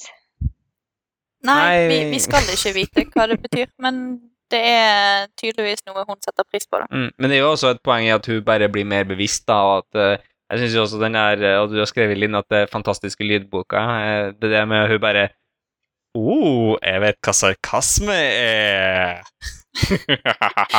Ja, for det at hun, hun sier I know what sarcasm is to ganger. Mm. Og første gangen så er det sånn Kaladin, I, I know what sarcasm is. Og så er det pause, og så bare I know what sarcasm is. og det er liksom bare sånn Og Kaladin bare Oh, shit. This can only mean trouble. ja. Uh, Så jeg sier ak akkurat det er litt gøy. Og så ser jo du da seinere, når Syl hjelper Rock spesielt, da, med å finne disse plantene, ja. uh, så gjør hun jo et stort nummer ut av å tulle med Rock underveis. ja, og lede den til en bæsj. Ja. Altså, jeg sa han, kan du ikke bare gå og følge han i stedet? Og hun bare Nei, han tar meg for høytidelig. Eh, Mm. jeg leda han til en bæsj, og han bare Ja, takk, det her var meningsfullt. Så, så det virker jo som i øh, Så det virker jo som at i tillegg til at Rock kan se Syl, at han øh, føler en viss Han anser henne jo som hellig, da. Ja. På en måte som en, som en liten en, en, eh, Som en minigud, Ja. på mange måter. Ja. Sånn, før vi går videre, da, eh, et par, en par siste ting. Um, det ene er jo det at uh, Kaladin har en legepappa. Vi har jo egentlig ikke snakka så veldig mye om det. Du, det er jo litt sånn når, når de andre guttene i, i flashbacksen snakker om at de har sett ei dame i undertøyet, jente i undertøyet, så jeg kaller det sånn Ja, men det har jeg gjort mange ganger på legestua. Uh, og så er det jo Ja. han sånn han, Aladdin virker jo som han har lyst til å bli soldat, men han står jo mellom et valg på det her tidspunktet i flashbacken om å bli soldat eller å bli lege, da. Mm. Nå vet vi jo kanskje hva han har valgt. Men han er jo Men- ikke på en måte gitt valget soldat, egentlig, da. Nei, det er jo noe han ønsker, da, kanskje. Han kan jo, Ja. han kan jo melde seg til en sånn recruiter, da, tydeligvis. Ja. Men, eh, men ja. Ja, jeg, sy jeg syns det er veldig fint måten det er bygget opp på med tilbakeblikkene. Det er, ikke, det er ikke hver gang vi får et tilbakeblikk like åpenlyst hvorfor vi får det tilbakeblikket, men noen ganger så flyter de så fint inn i hverandre, syns jeg. Ja, tilbakeblikket og Spesielt- historien, tenker du? Ja, Mm. for det er spesielt etter at de har vært på broløpet, og Kaladin gjør alt han kan for å redde mennene sine, men kan ikke redde livet til Han må prioritere hva man kan redde. Ja, men så, så mist... eh, han klarer ikke å redde Gaddle, og da er vel en del av det at han prøver å stoppe um, at Gaddle blør ut. Mm. men han kan ikke gjøre det. Og neste flashback vi får, er at Kaladin som 13-åring blir tvunget til å prøve å redde livet til en jente i landsbyen, og gjør absolutt alt han kan, og prøver å stoppe at hun blør ut. Og så får han det til, tror han, men så viser det seg, til, viser det seg at han, har, han fikk si, blodet stoppet og blø ut fordi at hun var død. Mm. Ja. Så det er liksom det er en sammenheng der. Ja. Føler jeg. At han har blitt Du får det flashbacket fordi at det henger sammen med noe som har skjedd i nåtiden. Jeg tror de aller fleste på en måte har en viss grad av sammenheng med det som skjer nå. Det er jo antageligvis i form av også hjernen til Kaladin, da, som tenker tilbake på ting. Ja, men det er ikke like åpenlyst alt, alltid. Nei, det er sant. Jeg har ikke tenkt så mye over de sammenhengene. Nei, og jeg har ikke gjort det tidligere heller, men akkurat i det, det tilfellet her følte jeg at det hang veldig fint sammen. Mm. Der du ser første gangen Kaladin blir liksom kastet ut i det som en ung tenåring, og mister en pasient. Mm. Og, og så jeg, jeg blir så opphengt i det når jeg, sitter, når jeg sitter og hører på det. Og jeg er så inni det. og du føler, du har, når du er i Keldin sitt hode, og han du, Jeg føler sånn med han når han Ja, nå, begynner, liksom, nå stopper blodet, og, og, og det, slu, det slutter å blø så mye, og nå er liksom Jeg får det til, jeg får det til, jeg får det til, og så ser han opp, og så bare Å nei, hun er død. Det er liksom Det gjør så vondt. Ja, det gjør det. Jeg er bare glad han har liksom en supportive eh, pappa som var sånn du, du, du gjorde alt riktig, det går bra. Eller det, Mm. det var ikke noe annet du kunne gjort. Hun kunne hatt en sånn Ja. uh, du feila sønn. Pappa. Ja, Ja. han er jo Som jeg føler at det er mange av i det her universet. Mm. Nei, han er jo, han er jo på en måte imøtekommende og prøver å få sønnen sin til å lære seg at ja, som du, du kommer til å miste pasienter som Mm. lege, eller som kirurg, da. Men, eh, men eh, du må lære deg når du skal bry deg. Men det er jo litt interessant det òg, da. Nå klabler det til den der eh, flashbacken Eller jeg tror kanskje ikke den flashbacken, jeg kaller den som tenker tilbake til en sånn uh, trener i Hæren og sersjant i Hæren som forteller en det at det viktigste er å bry seg når du holder på. Ja. Det er jo en, det er en interessant eh, sånn eh, eh, Hva det heter det? Motstridelse, da. Dekotomi. Ja. Ja. At, uh, at uh, legen, kirurgen, sier at du ikke skal bry deg, og krigeren sier at du skal bry deg om livet du håndterer. ja. Han blir jo konsekvent dratt i to retninger. Mm. Det er jo det som er på en måte poenget med Kaladin. Han, han blir alltid dratt i to retninger. Mm. Det er jo ytterligere, da, bare litt sånn på legekunst òg. Jeg syns det er litt skøy når det på en måte står det at den her Nobweed-zappen og den antiseptiske midlene da, er sånn Det jager for forråtnelsesbrenn. Og det er sånn Åh, dere er der nesten. Dere har nesten forstått poenget.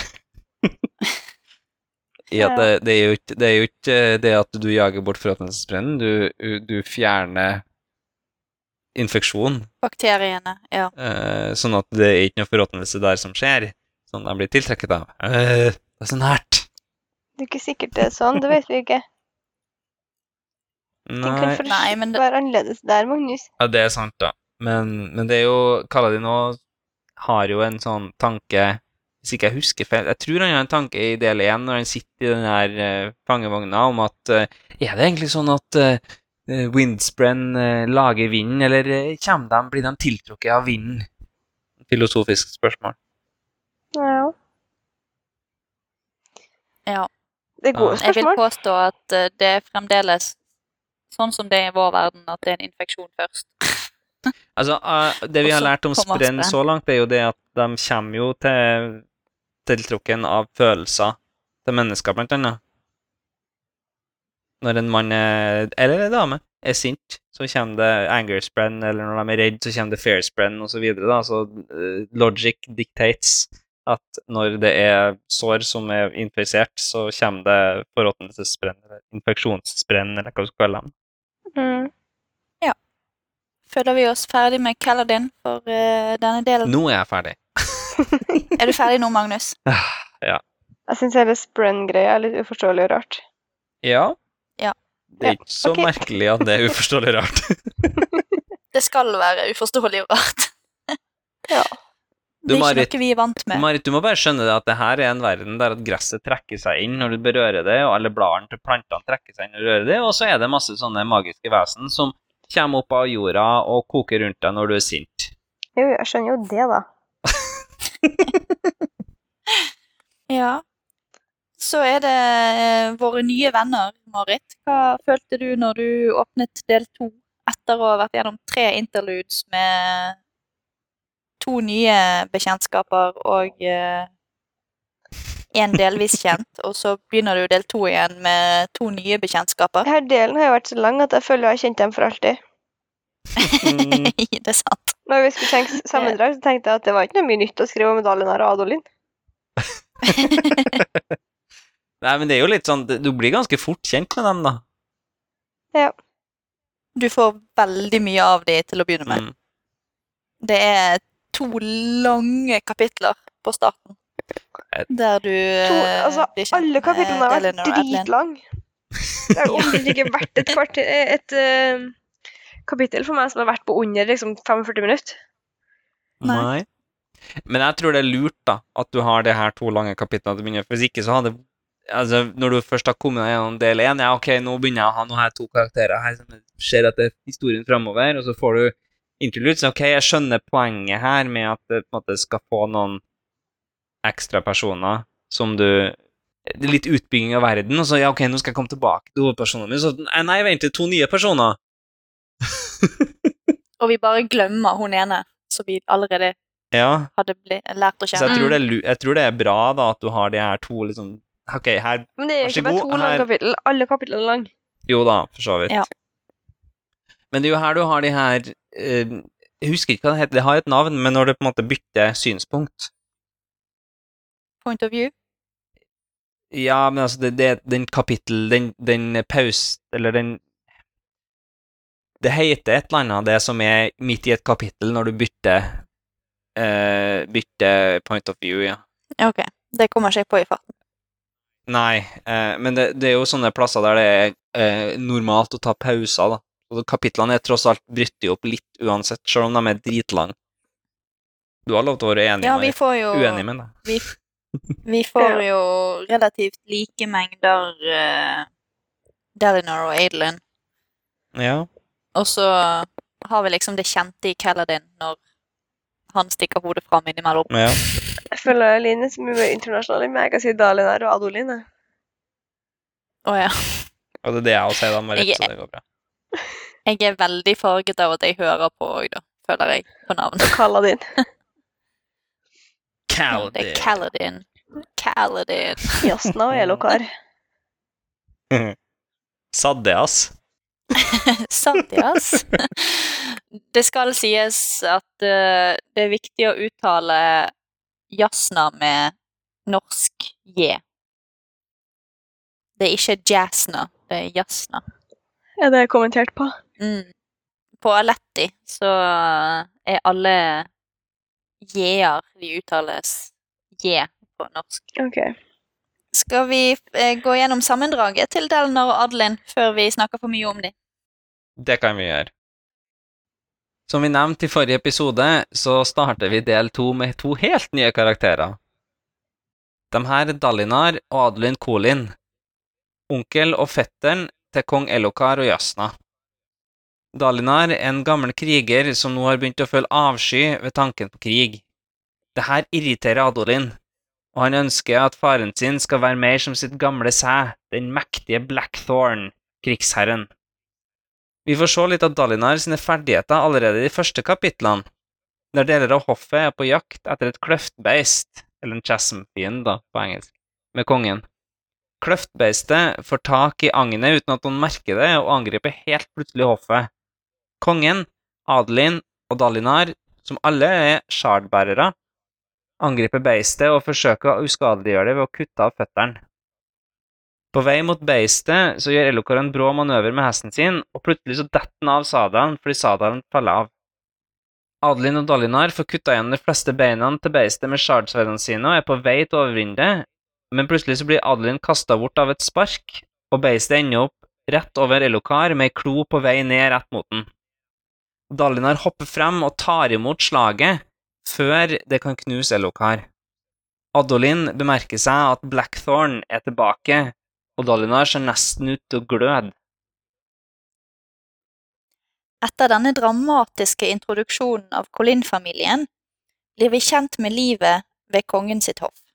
Dalinar og høyprins Sadius pleide å være venner, men begge bebreider den andre for Gavilar sin død. Eidolin stoler ikke på Sadius og er voldsomt mistenksom til alt han foretar seg. Dalinar forteller Eidolin at det var Sadies som var lokkefuglen da snikmorderen angrep, noe Dalinar ser på som utrolig modig.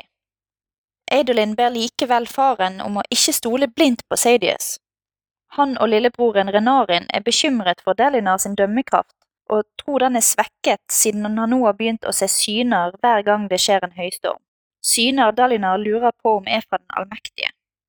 Vi får se ett av disse synene da Delinor og Renarin blir fanget i en kaserne sammen med mange av Dalinar sine soldater under en uforutsett høystorm. I dette synet blir Delinor og karakteren han Spiller sin familie jaktet av svarte, oljeaktige vesener. De er på vei til å bli drept, men blir reddet av to skikkelser i skinnende skjardrustning.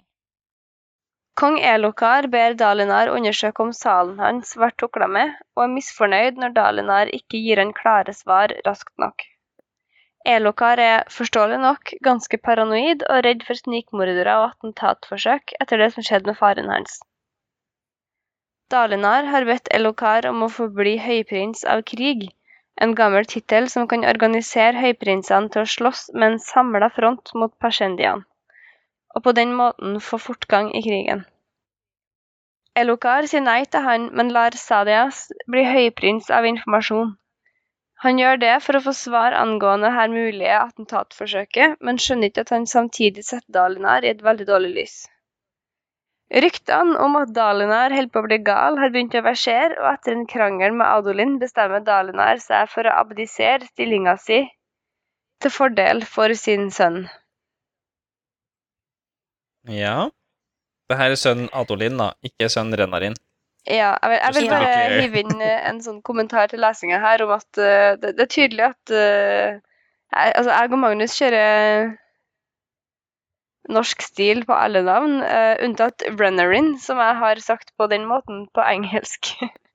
Mens Linn kjører fullstendig omvendt med engelsk stil på alle, unntatt Renarin. Så eh, Ja. Det er lydbok versus uh, lesebok her. Ja, Vi må bare beklage for det forvirringa der. ja, jeg, jeg sliter voldsomt når jeg skal bytte mellom. Og det er jo du som gjør det riktig, da, egentlig. Ja, men det må jo likevel være konsekvent. Burde jo uansett si Renarin. Æsj, vi er intelligente til lyttere. ja, vi vet hvem vi snakker om. Alle er innforstått Ja. med hvem disse personene er. Jeg tror jo at enn så lenge i hvert fall så har vi ikke hatt et navn som er så uforståelig på norsklish at det ikke kan tolkes hvem det er. Tenker ikke på jeg med han ulukulubulukudubudubudu? Han er i hvert fall umulig å misforstå hvem er. Han heter Rock. Jeg lurer på om hvis man har oversatt boka, Ja. om man hadde oversatt den til stein. Det Jeg hadde håpet det. Jeg håper det. Kan vi kalle den for Stein? vi, vi kan godt kalle den for stein. OK. Kokken Stein i stedet for Kokken Tor. Ja. Ja, nei, jeg kan jeg. jeg det, det, slo meg nå, Men egentlig. teft, teft er jo òg et norsk Ja, navn. sant. Hæ? Stein og teft. Når du får teften av noe. Er Teft et norsk navn? Er det no norsk Ja. ord? Ord? Ja, OK. Når du får teften av noe. Er det Jeg, jeg omdøper de herved til Stein og teft. Ja. Nå er det gjort. Ja. Men ja, hva tenker du, Marit, når du møter disse eh, gutta her? Gutta boys? Gutta boys i del, eh, del to. Uh, nei, jeg syns det er fint å få Jeg syns kanskje det er art, spesielt artig når det er snakk om liksom Altså, vi har jo et forhold til Kaladin fra før, så jeg syns det er spesielt at artig når du snakker om uh, de her raske broene til Sadias. Uh, Mm. og at Ja. det er mer, mer Ja, at det er mer effektivt, og kanskje vi skulle hatt det vi òg, da. Og så vet du liksom mm. at folk driver og dør Mm. på grunn av det. Altså, mange dør på grunn av det. Men det er jo også et, Ja. eh, et eh, positivt eh, d- em, Det gir et positivt inntrykk av Dalinar, da, oppi det hele. Han vil ikke ha det broen her, for han mener også at det er sløsing av folk, da. Ja, men vi skal ikke gi Dalinar for mye cred heller, for han kaller de som er med i brolagene til Sedius for the refuse of humanity. Så ja, han verdsetter livene deres. Og ja, han nikker til dem av respekt, men han kaller dem òg for dritten av dritten. Ja, ja men jeg, jeg er så Bortsett fra sånn altså, Skal ikke si noe på altså, Dem vi har blitt kjent med, da. Rå, uh, Stein og Teft og uh, Galadin, er jo ikke nødvendigvis det, da. Men, men det er jo litt sånn er, Hvem er det som havner i Bridgeman og, og blir brobærere? da? Det er jo gjerne dem som soldatene som har myrda noen, eller eh, Ja, det er jo gjerne dritten Ja, en av dritten, da. Det er en straff. Det er det. Eh, og så er det sånn, det her slave slavene som kjøpes og selges, dem er kanskje ikke egentlig fortjent å være der, men, men samtidig så, så Ja, han skal ha Basert på samfunnet, så syns ikke jeg at du skal synes at det er på en måte den verste kommentaren han kan gi dem. Nei da. Han eh, klapper skulderen til Delanor for at han eh, Bruker stupid chell. Ja, stupid sjøl. Nei, jeg syns det er mye som er litt sånn spennende, rart, lurer på her, da. Mm. Sånn som Dalinar sin kone. Nå har vi for så vidt eh, Apropos Apropos kvinner sin his- plass i historien. Han har jo en kone her som er faktisk bare k- altså, viska ut av historien. Ja. Ja. Men eh, jeg har jo også What is this kind of magic? Eh, also, hvorfor det? Eh, Nei, det var det, ja. da? Altså her, her er en sånn artig historie om at det er uh... Nei, hvordan var det der? For Dalinar ble ikke valgt av Nei, Nava Navani. Navani, Navani. valgte Gavilar. Jeg liker å tro at, uh, at han ble det, og så har de bare viska det ut ifra historien. Mm. Ja. Spennende. Navani er jo i nåtiden, i hvert fall. Virker veldig interessert i Gavilar. Nei, unnskyld, Delinar. Mm. Men, eh, men hva Jeg vet ikke. Jeg syns det er veldig Har dere noe input, eller? Nei, Ut, utover uh, Rafo, tenker du? Ja. Navani sier vel i denne delen at hun valgte Gavilar, gjør hun det? Jo. Men det er jo fordi historien de har blitt enige om. Ja. Nei, så jeg vil bare si det at det du lærer av Navani i denne delen, er riktig. Ikke formuler for mye teorier rundt det valget. Nei. OK, da. Men, men det er fremdeles på en måte hvorfor, hva, hva som har skjedd som gjør at de skulle slette denne dama fra Var det Secret Love, og så Jeg skulle si Jazz nå, men jeg innså at det var Altså, han er onkelen hennes, så kanskje ikke det. Jeg kan, jeg kan si såpass mye som at uh, hun som er visket ut av minnene til Delinar, er moren til Adolin og Renarin. Det har han vel sagt. Det er Det var kon, det var konen til Delinar, og sånn som tingenes tilstand er nå, så hvis noen nevner navnet hennes, så hører han det ikke. Og alt som hun er involvert i, er visket ut av uh... For jeg tror fremdeles lever. Jeg tror ikke hun er død. Han husker alt som skjer han, han husker ting som skjer der hun er involvert. Han bare husker ikke hennes del av det. mm, Men eh, vi skal lære mer om det her, da, Marit. Det er jo, det er jo som du sier, det er ikke eh, Det er ikke eh, tatt opp uten at det har kanskje muligens helt garantert en sjanse for at det har noe med saken å gjøre. Og så blir han eh, Er han eh, Får han sånn her eh, syner. Mm. Mhm. Superdramatisk scene. Ja. Mhm. Masse oljelignende uhyrer, som, som det sto i sammendraget, skal du si, som vi leste i stad. The Midnight uh, Essence. Er det egentlig kritikk mot oljesamfunnet i dag? Hmm? Nei, det tuller jeg på. Men, men, men er det Det er altså så mye dramatikk og folk som gløder og Shit, det er mye rart og masse Her må vi kjempe og Men, men vi tar oss tida til å reagere på at Oi! A woman shard bear. Dalinar thought he'd never seen such a thing. Ja. Men det sier ikke om de her monstrene eller uh... Nei, det, det er viktig å bemerke seg de, de essensielle tingene, Marit. Det var ikke nok liksom at eh, han kunne si 'Shardbearer' og her hair did things and also breasts. Det var, må liksom være sånn her Also breasts. Det må være sånn her Oh, a woman shardbearer!» Ja. Ja. Så Ja. det, det var den, da. Men, det- men det er jo Det her faller jo litt inn i den der um, samfunnet, da, med, eh, Ja, mannlige går og å dikte kvinnelige opp et kunstige og- samfunn som uh, har damer som kan gjøre ting som menn kan gjøre, skjønner jeg det. I det her samfunnet, Marit, så er det damene som er helt klart vinnerne, da, fordi de er, får lov til å drive med alt annet enn slåssing og penger. det, det er jo de eneste tingene vi har lært som er på en måte mannlige kunster. Ja, hva har de lov til? De slåss, og så kan de drive politikk. Eh, det, men de kan ikke drive med logikk, da, sånn at det er bare krangling, egentlig. Det er way of kings, det er ikke way of queens. Ja, og så kan Ja. de eh, Det er ikke de noe fordel å være dame her, du bare må lese for mannen din. Som en ekstra tour. Ja, vi skal se da, Marit, om du er like enig etter hvert her. Ja, OK. Ja. Team jazz nå. Men jeg òg har én sånn litt sånn petty kommentar om Delinar. Mm.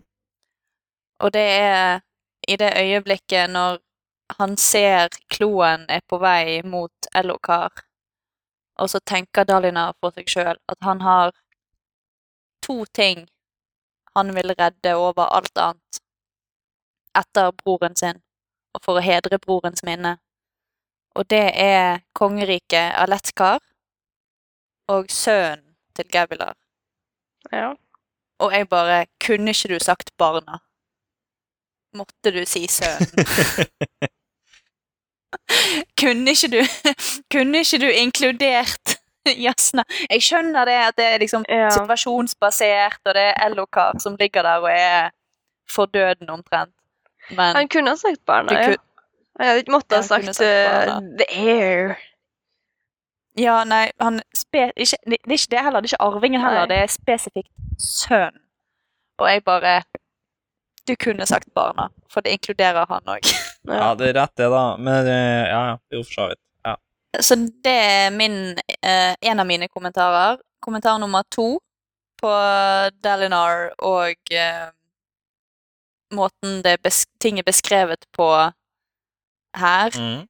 er at eh, Navani, når hun dukker opp i historien til Delinar, så er det poengtert at hun er veldig god på scheming og politikk, og at hun er så smart når det kommer til disse tingene. Og hun påpeker, hun påpeker at sønnen ikke er noe god konge, og at Og litt sånne ting. Og at Delinar blir spesifikt påpekt at Delinar han kan ikke dette med politikk. Han er blunt force hele veien. Ja. Og så, og så når, når Elokar oppnevner Sedius til High Prince of Information I det øyeblikket da står Delinar og Navani sammen. Mm. Og så er det Delinar som plukker opp på at dette tar seg dårlig ut for Delinar sin politiske stilling. Ikke Navani. Jo, men det, det tror jeg handler om at spør- Navani ikke vet hva um, alle, alle prerequisitesen her, da. Altså, hun vet ikke hva som har skjedd. Nei da, men likevel så er det liksom Hun skal være så jævla politisk savvy, Ja. og så er det Og Delinor er spesifikt ikke politisk savvy. Og så er det likevel han som plukker opp på det på forhånd. Og jeg, ja, jeg kan, du kan si, forklare det med at Delinor har bedt om å bli høyprins av krig og har fått nei, og så får Sadius ja, og dette her. Men det, akkurat den, den setningen der irriterte meg når hun bare Hva betyr dette? For det, det er jo noe hun burde vært klar over. Hun kan jo lese historiebøkene lettere enn det Delinor kan. Ja. Det er jo også en sånn uh, kvinnens uh, rolle er jo ofte å stille spørsmål, sånn at mannen skal virke smart.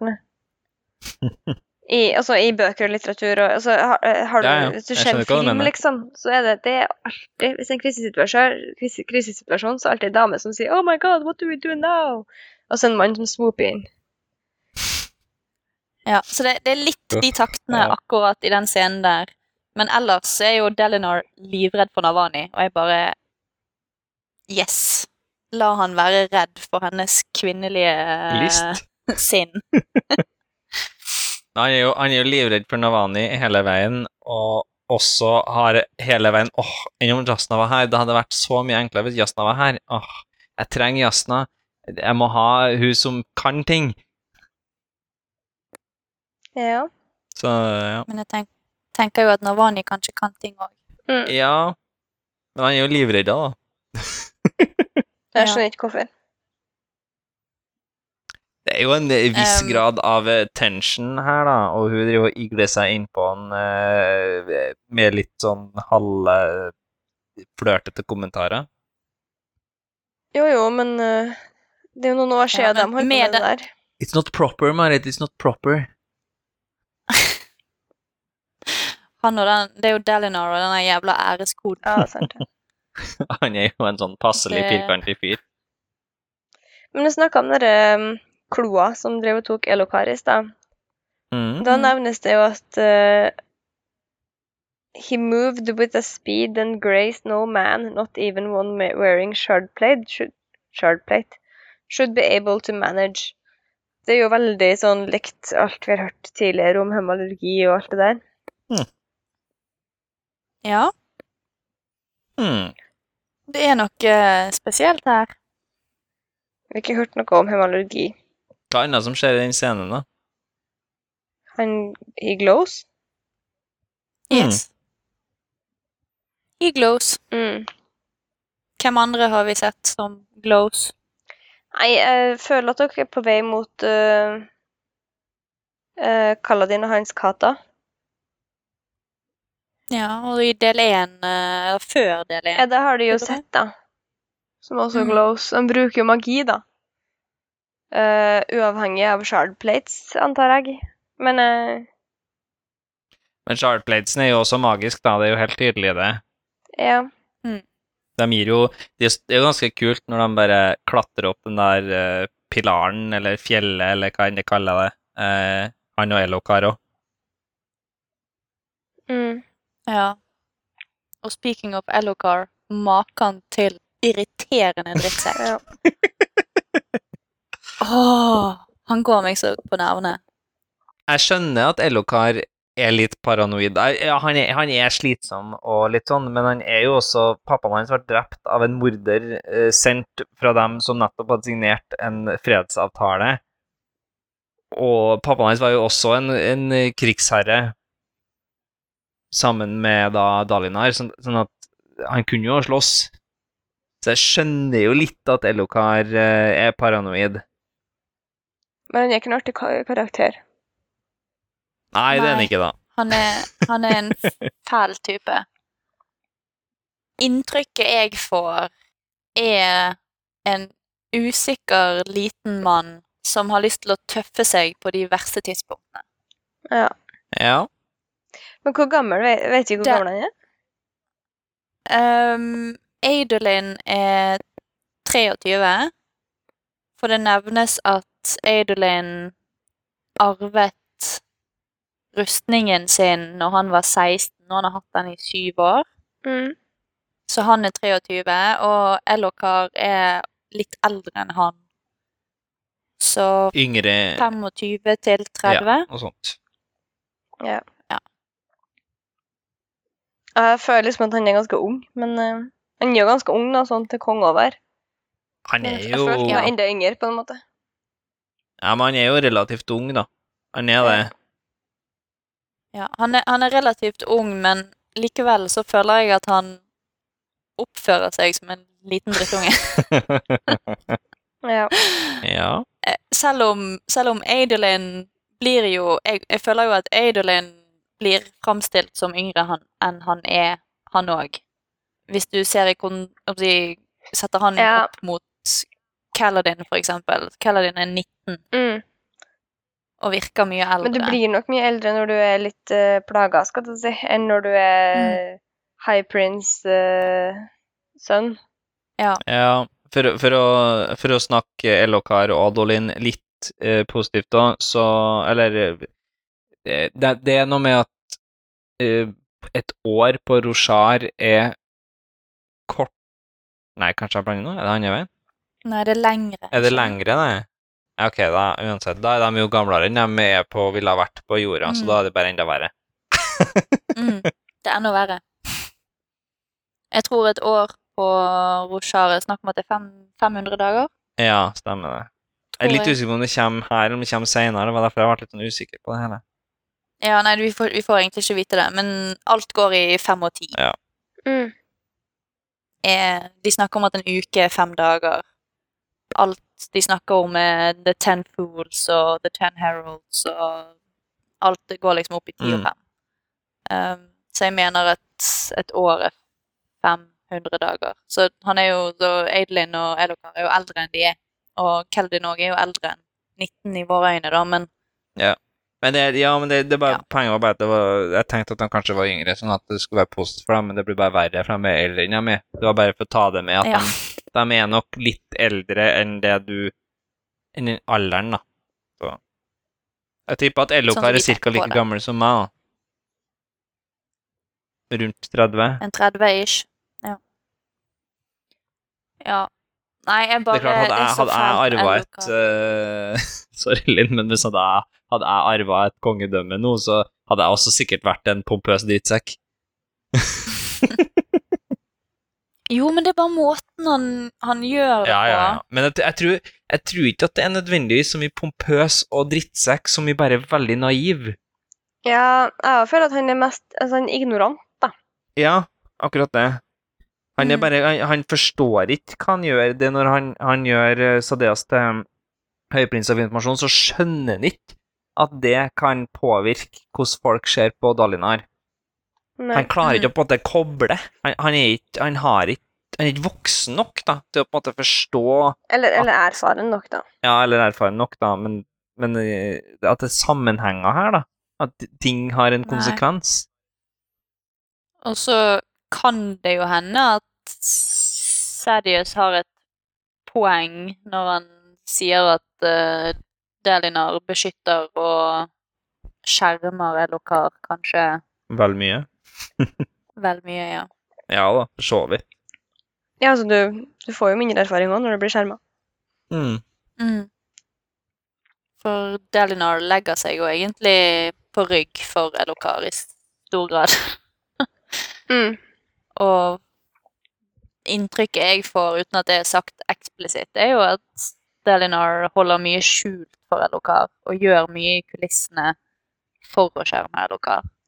Ja. Så Men han gjør jo veldig mye sånn uh, sikkerhetsarbeid, da, som ingen andre gjør. Som for så vidt straffer seg for han. Mm. Ja. det er jo nettopp det. Alt Delinar gjør, slår jo tilbake på han i trynet. Mm. Um, Han prøver jo, altså Dalinar prøver jo å passe på Elokar på en måte som ingen av de andre høyprinsene gjør, da. Og jeg er jo rimelig sikker på, altså basert på det samfunnet her, så er jeg rimelig sikker på at noen av de andre høyprisene antageligvis har prøvd å ri tatt livet av Velokar hvis ikke Dallin hadde vært der. Ja. Det, det er min påstand her, da. For at det, altså, det, fra Magnus der? de, ja, men de, de er jo ikke akkurat bestevenner, hele gjengen her. Nei, for det er jo liksom Sånn som Dalinor sier, er jo at den mest sårbare tiden for et kongerike, det er når arvingen Tar over, ja. regjerer. ja, Ja. Det er jo, men det er jo helt tydelig et eller annet her da, mellom mm. Dalinar og Gavilar, og eh, Altså, jeg, Dalinar kunne nok ha tatt over. Jeg kunne jo ha tatt livet av Elokar og sagt 'nei, det er min trone'. Så det er jo noe her, da. Ja, så den der jævla æren til Dalinar, da. Mr. Square. Mr. Square. Noen sa 'be there or be square', og Dalinar var ikke der. Nei. Det var en utrolig dårlig vits. Takk for latteren, Marit. Flere, flere av dag. Jeg tar det. Eh, Jeg vil bare nevne, da, eh, oppi hele for at eh, Nå har vi snakka om firkantig og square så mange ganger, og jeg vil bare si det at her er den første mannen da, som ikke er kjekk. Det er en av de første tingene vi lærer om Dalinar, er det at han, han er Ingen kvinner ville ha kalt han kjekk. Han hadde mer sånn firkantige eh, utseende enn en pent utseende. Men firkantig tenker jeg at det er jo ikke noe negativt. Ja, jeg tror at uh, Jeg tror at denne type firkantig er litt negativt. Jeg synes det er rart. Bare for den har en square jaw. Ja, men jeg tror ikke, ja, jeg tror ikke at det er så mye square jaw, så mye at han har et veldig firkantig hode. Han er litt stutt, antagelig. Litt mye arr, eh, mye sår, mye sånn eh, Det er jo bare sexy. Ja. Han har levd et liv, Magnus. ja. Jeg skal ikke blande meg i hva dere to liker av min... Blackthorn. Marit har fullstendig Yes. bomma i så fall, men det er en annen sak. Det er lov å ha flere tanker i hodet samtidig, Ja, ok. faktisk. Det, er lo det lov å ha flere hoder i tankene samtidig, Marit. Ja, det var veldig, det var veldig vanskelig det der. Ja. Men poenget mitt da var uansett det Det at uh, Dalinar er beskrevet da som ikke kjekk. Så på en måte den første mannen her Jeg ville bare påmerke det Påmerke det. Veldig bra Ja. norsk, Magnus. Men uansett, siden vi snakka så mye om det i forrige episode Ja. Men så skal det òg sies at både Adolin og Elokar bemerkes som uh, kjekkest av kjekk. Jeg vet ikke. Det Adolin tenker, er det at ja, kongen er kjekk, men ikke så kjekk som meg, da. Men Delinar sier at Elokar er fryktelig pen. Å ja, gjør han det? Det har jeg ikke tenkt over. Ja. Han, eh, han bemerker at uh, Elokar, han er pretty boy. Det er litt sketchy når det kommer fra en onkel, eller? Kjempegodt forhold til onkelen din. han er en funny uncle. Men uh, Nei, men uh, det, det, det er Det blir bemerket, i hvert fall i et av Delinar sine perspektiver, at uh, Elokar er fryktelig eh, pretty boy. Eh, og så kommer vi da til et Adolin-kapittel, der uh, Adolin sier at eh, kvinner han stoler på, sier at Elokar er kjekk, men ikke så kjekk som han, selvfølgelig. Ja, det var den vennen det var, ja. Eh, Så for Adolin er jo en pretty boy, han òg, og han er jo en sjarmør. sjarmør. Som ikke klarer å holde på Jeg vet ikke om han jeg, jeg tror jo, basert på, på måte det vi har lært så langt, så føler jeg jo at han er kanskje ikke så mye sjarmør, så mye at uh, han har uh, er, Han har en han er en, han er en plass med makt. Han er nære kongen og litt sånne ting, og jeg tror at det er det damene ute etter, basert på at han dater sykt mye folk. Ja, for det var det og Jeg så sto i notatene våre her at han var en magnet, og så fylte han med en Eller, eller en bare fullstendig ubrukelig, fordi at Han Ja, men han eh, Jeg føler han prøver, liksom, men han kommer ingen plass. Det er ingen som vil ha han, for at han driver jo bare og kødder. Jeg vet ikke om han prøver, det er det som er problemet, kanskje. Han prøver ikke. Nei, det kan være det at han ikke Men det er ikke sikkert en vet hvordan en skal gjøre det heller, liksom. En skjønner jo ofte når en har gjort noe feil, men en bryr seg ikke, det virker det Sånn. Nei, nei for det, det er liksom Han blir blir introdusert til Adolin, og så det første lillebroren be- bemerker, er jo at ja, du har jo hatt det litt vanskelig på damefronten i det siste. Ja. Og da er det at han drev og courtet en dame, og så var det en annen dame som flørtet fryktelig mye, mye med han, og han i jeg vil påstå rimelig god tro spiste lunsj med hun som flørtet fryktelig med han, og da ble hun som han i utgangspunktet hadde snakket med, veldig lei seg, og nå vil ingen av de snakke med han. Ja. Jeg tror han er, mest er jo- naiv her, eh, mer enn noe annet. Ja, det, det er en grad av eh, cluelessness inni bildet her, tror jeg. Men det er også den der, du kan si at han bryr ikke seg, men jeg tror bare det at det kommer en ny dame umiddelbart, sånn at han rekker på en måte ikke å, å eh, Yes, but that's not how you get married. Nei, det er for så vidt, men jeg tror at det er Det er det som er viktig i denne verden. Ja, En stabil kone. Ja. for kona sin del så eh, kanskje, jeg vet ikke. Ja, ja, du, du trenger jo en, trenger en jo en sekretær, det er sant det. Ja, han Ja, trenger det det for å ha en, være en god eh, konge. Ja, det er sant. Det sier jo Dalin her òg. Mm. Ja, flere av rådgiverne til Delinor er jo etter han for at han skal gifte seg, bare for at han skal ha en uh, skribent. Ja. Slitsomt samfunn, ass. Ja.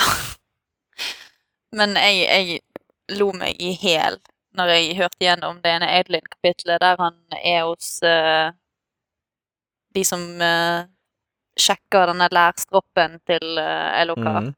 og han har med seg en dame på date dit, og hun bare 'Jeg trodde vi skulle gå på tur, jeg'. Mm.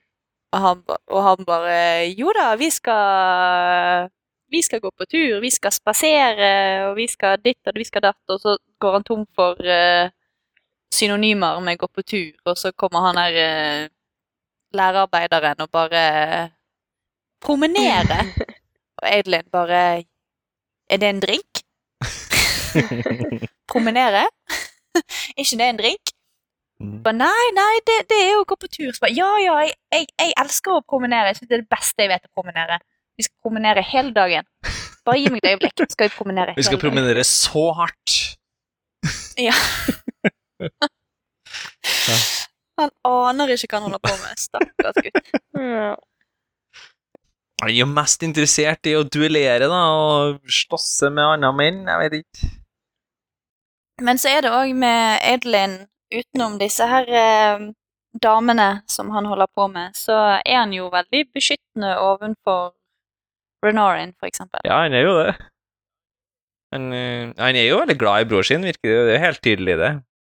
Jeg vet ikke om du har dannet deg noe inntrykk av Renarin ennå, Marit? Vi har fått Nei ganske lite fra Han er jo litt dust, da.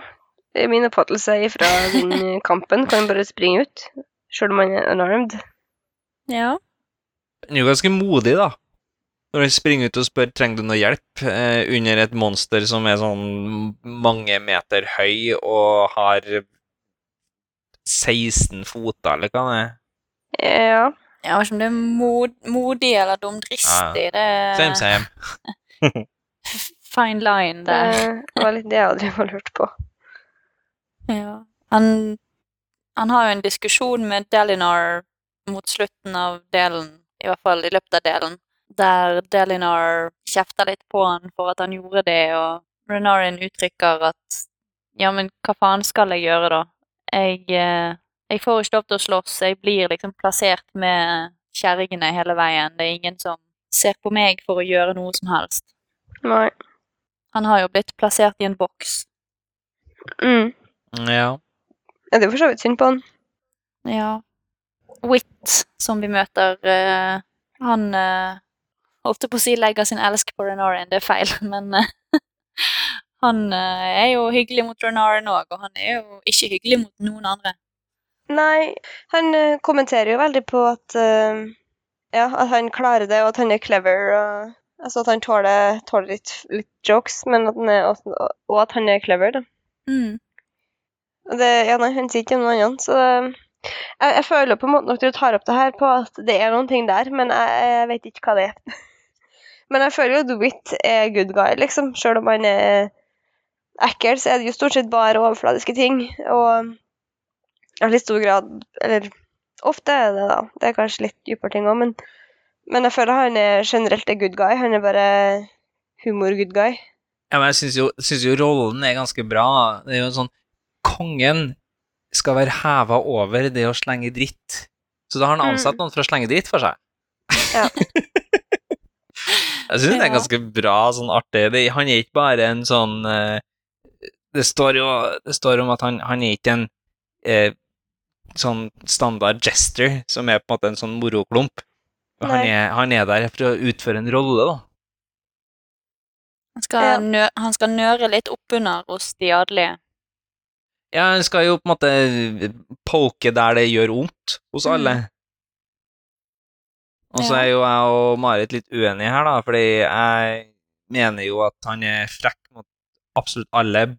Kanskje ikke så frekk mot Dalinar, og jeg mener jo at han absolutt ikke er frekk mot Renarin. Jeg, men, jeg mener bestemt at han sa at han var ubrukelig. Altså, at han, jeg tror han sa til Dalinar at å, du har to sønner hvor en er så sa han fra Adolin, og så en som er ubrukelig. Mm, Men, eh, Ja, ok. Jeg jeg har ikke funnet igjen det. det er Sadius som sier at uh, Renarin er ubrukelig. Ja, det kan hende. Mm. Det er Kanskje jeg ikke har bomma. Ja, det er ikke Wit, det er Sadius. OK. Ja, For, for uh, Hvitt sier jo bare Strud bare snakker om at uh, han og Renarin har eh, vært på byen og funnet tre søstre, og at Renarin havner opp med tre, to av tre Ja. og greier. Ja, nei, det, det er Sadius som tar opp at Renarin er ubrukelig fordi i hva skal jeg si, Konsekvensen av at Sadius sier det, er jo at Delinar truer han med å gå etter Ja, stemmer det. Mm. Um, Eller en Fordi- sånn, det er en sånn uh, type Du sa vel ikke det, for det hadde vært veldig dumt. mm, Ja. Men uh, jeg er veldig spent. Jeg vet ikke hva som er annerledes med Runarin, da. nei, Det er jo bare en- det som, som, som uh, Whit sier, da, at han, uh, han Han snakker bare dritt om dem som fortjener det. Mm. Og det eneste vi lærer om Ren- er jo at han har en blodsykdom som gjør at Mm. han ikke kan være med i krig. Og at Mm. jeg får inntrykk av at Renarin sliter litt med hva er min rolle i, i dette Livet. samfunnet når ikke jeg kan slåss. Når det er det menn gjør, er å slåss. Ja. Og jeg syns jo det er veldig fint, da, fordi ja, Delinor kjefter på Renarin for at han går ut i krigen, selv om det var modig gjort og sånn, i Delinor sine øyne òg, så, så kjefter han jo litt på Renarin for det, og så, så sier jo Renarin at ja, OK, men hva, hva skal jeg gjøre da? Jeg kommer til å ende opp som en city lord et eller annet sted og bli forvist, og ikke ha noe viktighet her i livet. Råtne bort ut i gokk.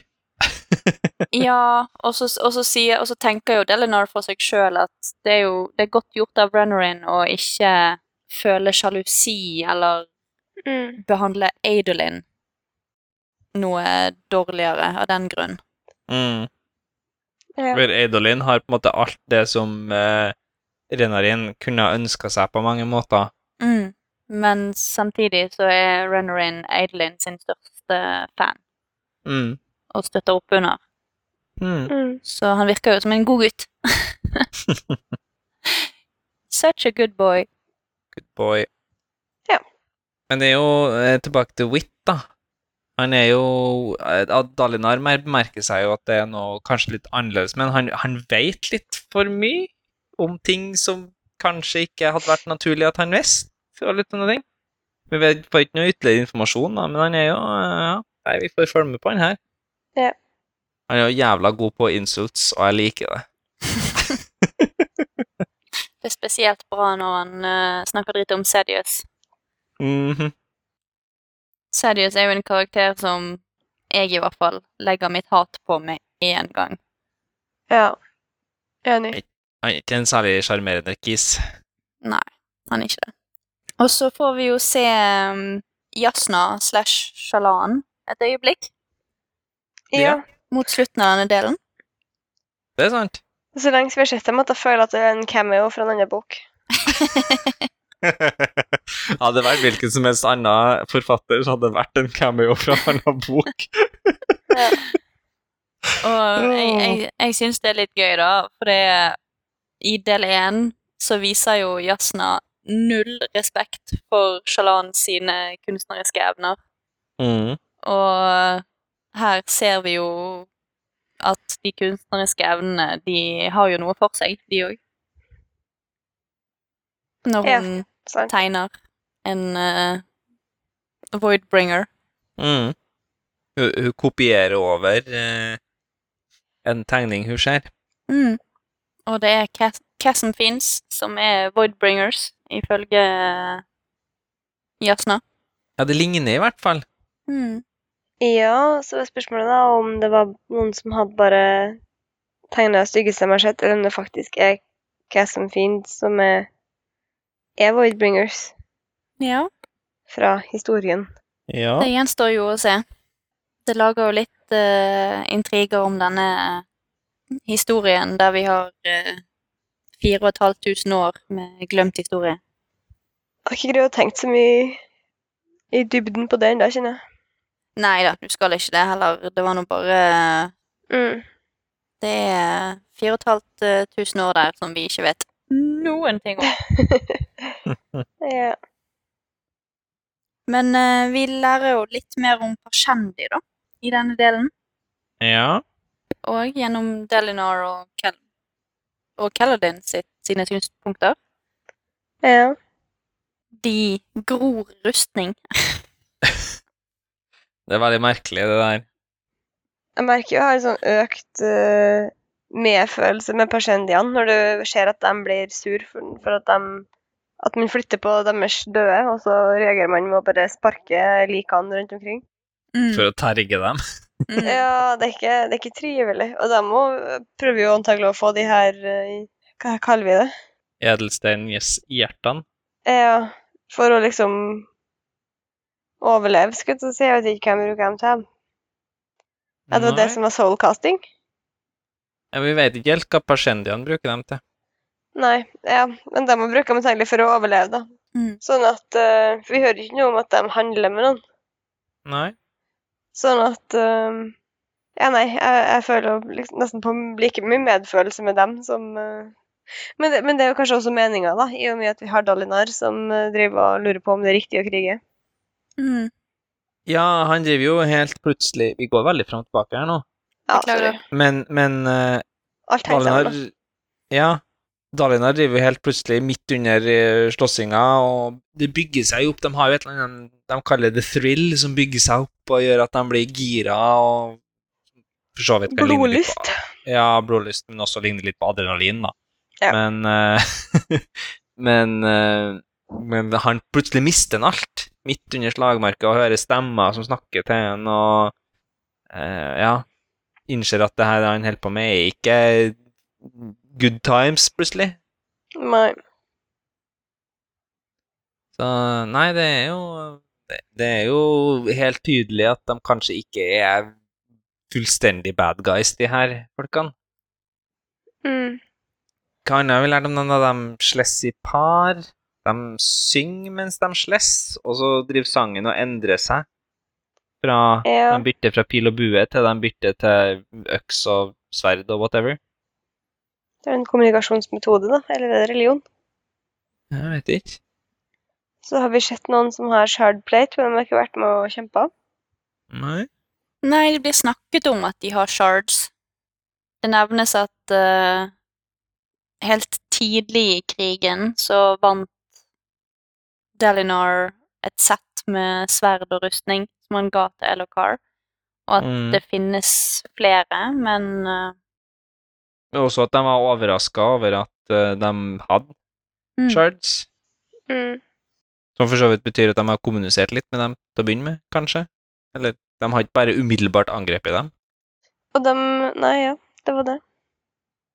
De har jo laga en peace treaty på et tidspunkt, da, så må jo ha kommunisert litt. For så Mm. vidt. Det er et godt poeng. Og de bor midt ute på The Shattered Plains, Ja, som er beskrevet som The plateaus looked like close islands, or perhaps jagged pieces set in a massive stained glass window. hmm. What are these shards shards of? Nei. De er jo også Dalinar eh, når, helt i starten av første kapitlet i delen her, så står Dalmar på toppen av denne her Det er Det han og Elokar har klatra på. Ja. Ja. Og så sier han det at det er nesten som om de på en måte passer sammen, eh, men han klarer ikke helt å se det. Det er litt rart. Altså, selvfølgelig passer de sammen-. Jo, altså eh, eh, Mer så mye at han ser et mønster, da, tror jeg. Ja, ok. For det er jo en gjenganger, da. Ja. Så det blir spennende å se hva vi ser. Shit, jeg må stille litt med på kartet der, kanskje. Ja. Vi, skal, vi kan legge ut kartet Jeg kan finne noen kart å legge på Discord. Jeg sjekke opp at uh, hva vi Jeg tror ikke jeg har lagt ut alle bildene. Sånn. Nei. Skal sjekke ut det. Det er så mye som nevnes i bisetninger. Mm.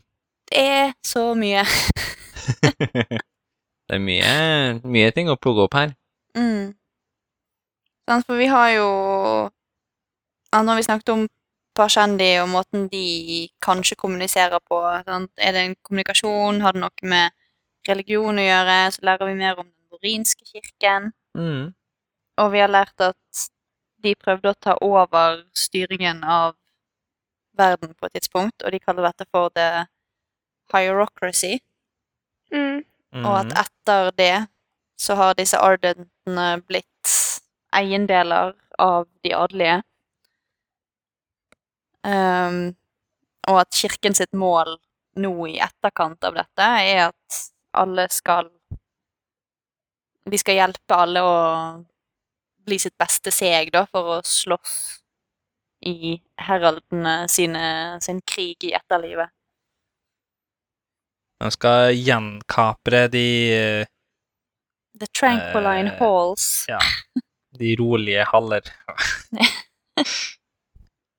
Ja. Så liksom så det bygger seg jo litt uh, Vi får jo mer og mer drypp om, uh, om religionen. Men det er jo noe med at de skal Det ypperste kallet er å være en kriger. Å dø i kamp, da, tydeligvis. Det er jo helt uh, Ja, og så går det kaldt, og så går det kaldt nedover ryggen på meg når i et av Del Dalinar sine kapitler så snakker han om at jo edlere blod du har, jo lettere i hermetegn mm, kommer du liksom høyere opp i ranken i etterlivet òg, da. ja, det er klasse. Det er kanskje ikke helt bra, det der. Det er jo ikke det, men det er jo like mye sånn som det er i enkelte kulturer, som alt annet snakker om, skal du si. Ja. Ja, det er Jeg fant et bilde av Shattered Plains, men så tenker jeg at det her er en stålmikrostruktur. Nå må ikke du sitte og google, Marit. Da ender du fort opp med spoilers. Det tror jeg er dårlig idé. Det her er en ferritisk struktur med en varmebehandlingsgradient. det går fort å gli inn i Metallurg-podkasten. Nei, ja, jeg innser jo det at det sikkert er forma som noen ting, at hvis jeg kikker for mye, så får Det jeg meg en spoiler. på, det er ikke det å se på kart som er problemet, det er den mer den generelle handlingen google mm. som kan føre til Men det- spoilere. Det er sykt mange som har laga sånn type moderne kunst av Shattered Plains. Det er mye fanart, ja. Veldig mye fanart. Det det. Men det er jo en eh, kul setting, da. Ja. Pinterest. 15 Shattered Plains ideas. Jeg liker her jeg googla, og nå fant jeg Oi, Jesus Christ, der er det noen som har laga en eh, Lego-fight av den her. Den her skal vi dele på Jeg lå på Brandon Sanderson sine sider. Eh, det er en uh, Chasm-fiende-kampen eh, i full Lego. Den her skal jeg legge ut på, på Discord. Folk har for lite å drive med, ass. Ja, ja det er jo sånn både og, da. Det er jo artig. Noe må man jo drive med. Ja, Det er hobby, det her òg. det er det. Hilsen personen som bygga seg et Lego bonsai-tre forrige uke. ja. Føler vi at vi har kommet oss gjennom store deler av uh, Delinar og Adelin sine kapitler? Vi kan vel kanskje si det at uh, Delinar sine og Adelin sin storyline her, den uh, avslutter jo med at Delinor egentlig har bestemt seg for å abdisere til, for, til fordel for Adelin, og fordi han ikke har noe tillit lenger. Ja. Han- er cray-cray og Han har ikke tillit, men har kanskje ikke egentlig helt tillit til seg sjøl heller. Nei. Han er usikker. Han, han mener jo kanskje at de her synene han ser, eh, kommer fra den allmektige, og at eh, han skal stole på dem, men samtidig så Han ser jo det Adolin sier om at eh, det er ikke sikkert at alt er like bra her, pappa. Eh, så ja. Kan jeg få stille litt random spørsmål? Mm. Hva betyr det her? Her handler det om Dalinar. He could remember a time when he would have been swarmed by friends, acquaintances, and yes, even sycophants at a feast like this. Hva du lurer på? What does this mean? Sycophants? Sycophants er sånne som eh, Påhengere. Ja, sånne som kun er interessert i å være med deg fordi at du er populær. Det er alle de vennene du mister når du slutter å være uh, C-kjendis. Ok, jeg følte at det var mye mer sånn uh, Jeg vet ikke. Dømmende enn det. Nei, det er jo mer det at eh, når han var The Blackthorn og var krigsherre og sånn, så folk svermet litt rundt han, da. Ja, ok, da. Og nå som han har roet seg ned litt, så Og begynt å ta i bruk disse kodene som uh, de andre høyprinsene ser han veldig ned på, så har ikke den samme omgangskretsen lenger. Mm. Jeg tror han eh, bruker ordet psykofans om eh, Jeg husker ikke om det er Sadeas sine eh, folk, eller hva det er, da. Eller om det handler Adolin, vet ikke jeg. Men det er jo sånne påhengere, da. Sånne, se for deg sånne relativt lavrangerte lysøyde som eh, klarer å slå av en spøk i ny og ne, Mm. og derfor får lov til å være med. Ja. Du spurte om vi var ferdig, Linn, men vi har jo det er flere talking points her, da. Ja. Så eh, for å gjøre oss ferdig med Delinor og Adelin sin eh, del her, da, så lærer vi jo en del om uh, Shardplate og Shardblade. Mm. Shardblade det glir gjennom alt som er levende, og brenner øynene til svart. Og kutter gjennom døde materialer som smør. Det er jo litt det samme som vi lærte om i del 1. Eller med, Ja, det er det. Vi, vi snakka litt om det i, i den der preluden, prefacen, prologen, jeg da faen. Prologen. Eh, men, men det er jo det, det at de, de glir rett gjennom alt levende, og de, de skal drive og ta ut den der kryssalissen, den der kokongen som den Chessenfienden har laga, så må de først poke inni den og drepe den med shardbladen, før de kan begynne å kutte den med shardbladen, og det er litt sånn merkelig. ja, for du kan ikke kutte av ting som er ledende, levende. Nei, ja. Det, altså, jeg merker meg at, uh, at uh, alle Altså, the wound, alle Det det kutter i, Mm. smoke. Nja, det står at øynene blør røyk når du dreper noen med det, og blir svart. Ja, OK. ok, bare, så her så står det the wound, bled smoke. Ja, ok. Å? Ja Ja, men det er mye det samme, da. Det er jo litt dette med at Har vet ikke jeg fått med meg. du kapper gjennom ting, og så mener jeg at Seth nevnte i prologen at det Shardblade gjør, at det, det dreper sjelen til en ting. Men hvordan blir det i forhold til Hva heter Vasher sitt sverd? Nightblood? Nightblood? Nei, det er jo et godt spørsmål, da, Marit. Jeg vet ikke om jeg er inne på noe i det hele tatt. No, noter det bak øret. Noter det bak øret, Marit. Nightblood en uh, shard. Litt teskje. Hva skjer når Nightblood dreper noen? Vet du at det er svart røyk? Vet Jeg vet ikke. det er helt greit. Er, han tapper for magi. Nei, jeg, jeg vil anbefale å gå tilbake til Warbreaker, og så bare prøve å finne et tidspunkt der uh, Nightblood dreper noen, Uh, eller der Vasher dreper noen med Nightblood. Ja, da blir du gira på å drepe mer. Ja, du, Vasher blir det, men, men hva skjer med den som dør? Han dør. Å ja, du tar fra han magien? Nei, ikke helt. Det var ikke helt det jeg var ute etter. Um, Nei, det gjør kanskje ikke det heller. bare det kan, eh, det kan være interessant å gå tilbake hvis man eh, har lyst til å se hva som skjer der. En annen ting med, med Shardblade er jo det at det tar ti hjerteslag å tilkalle, og så dukker det opp eh, fra tåke med dugg på seg.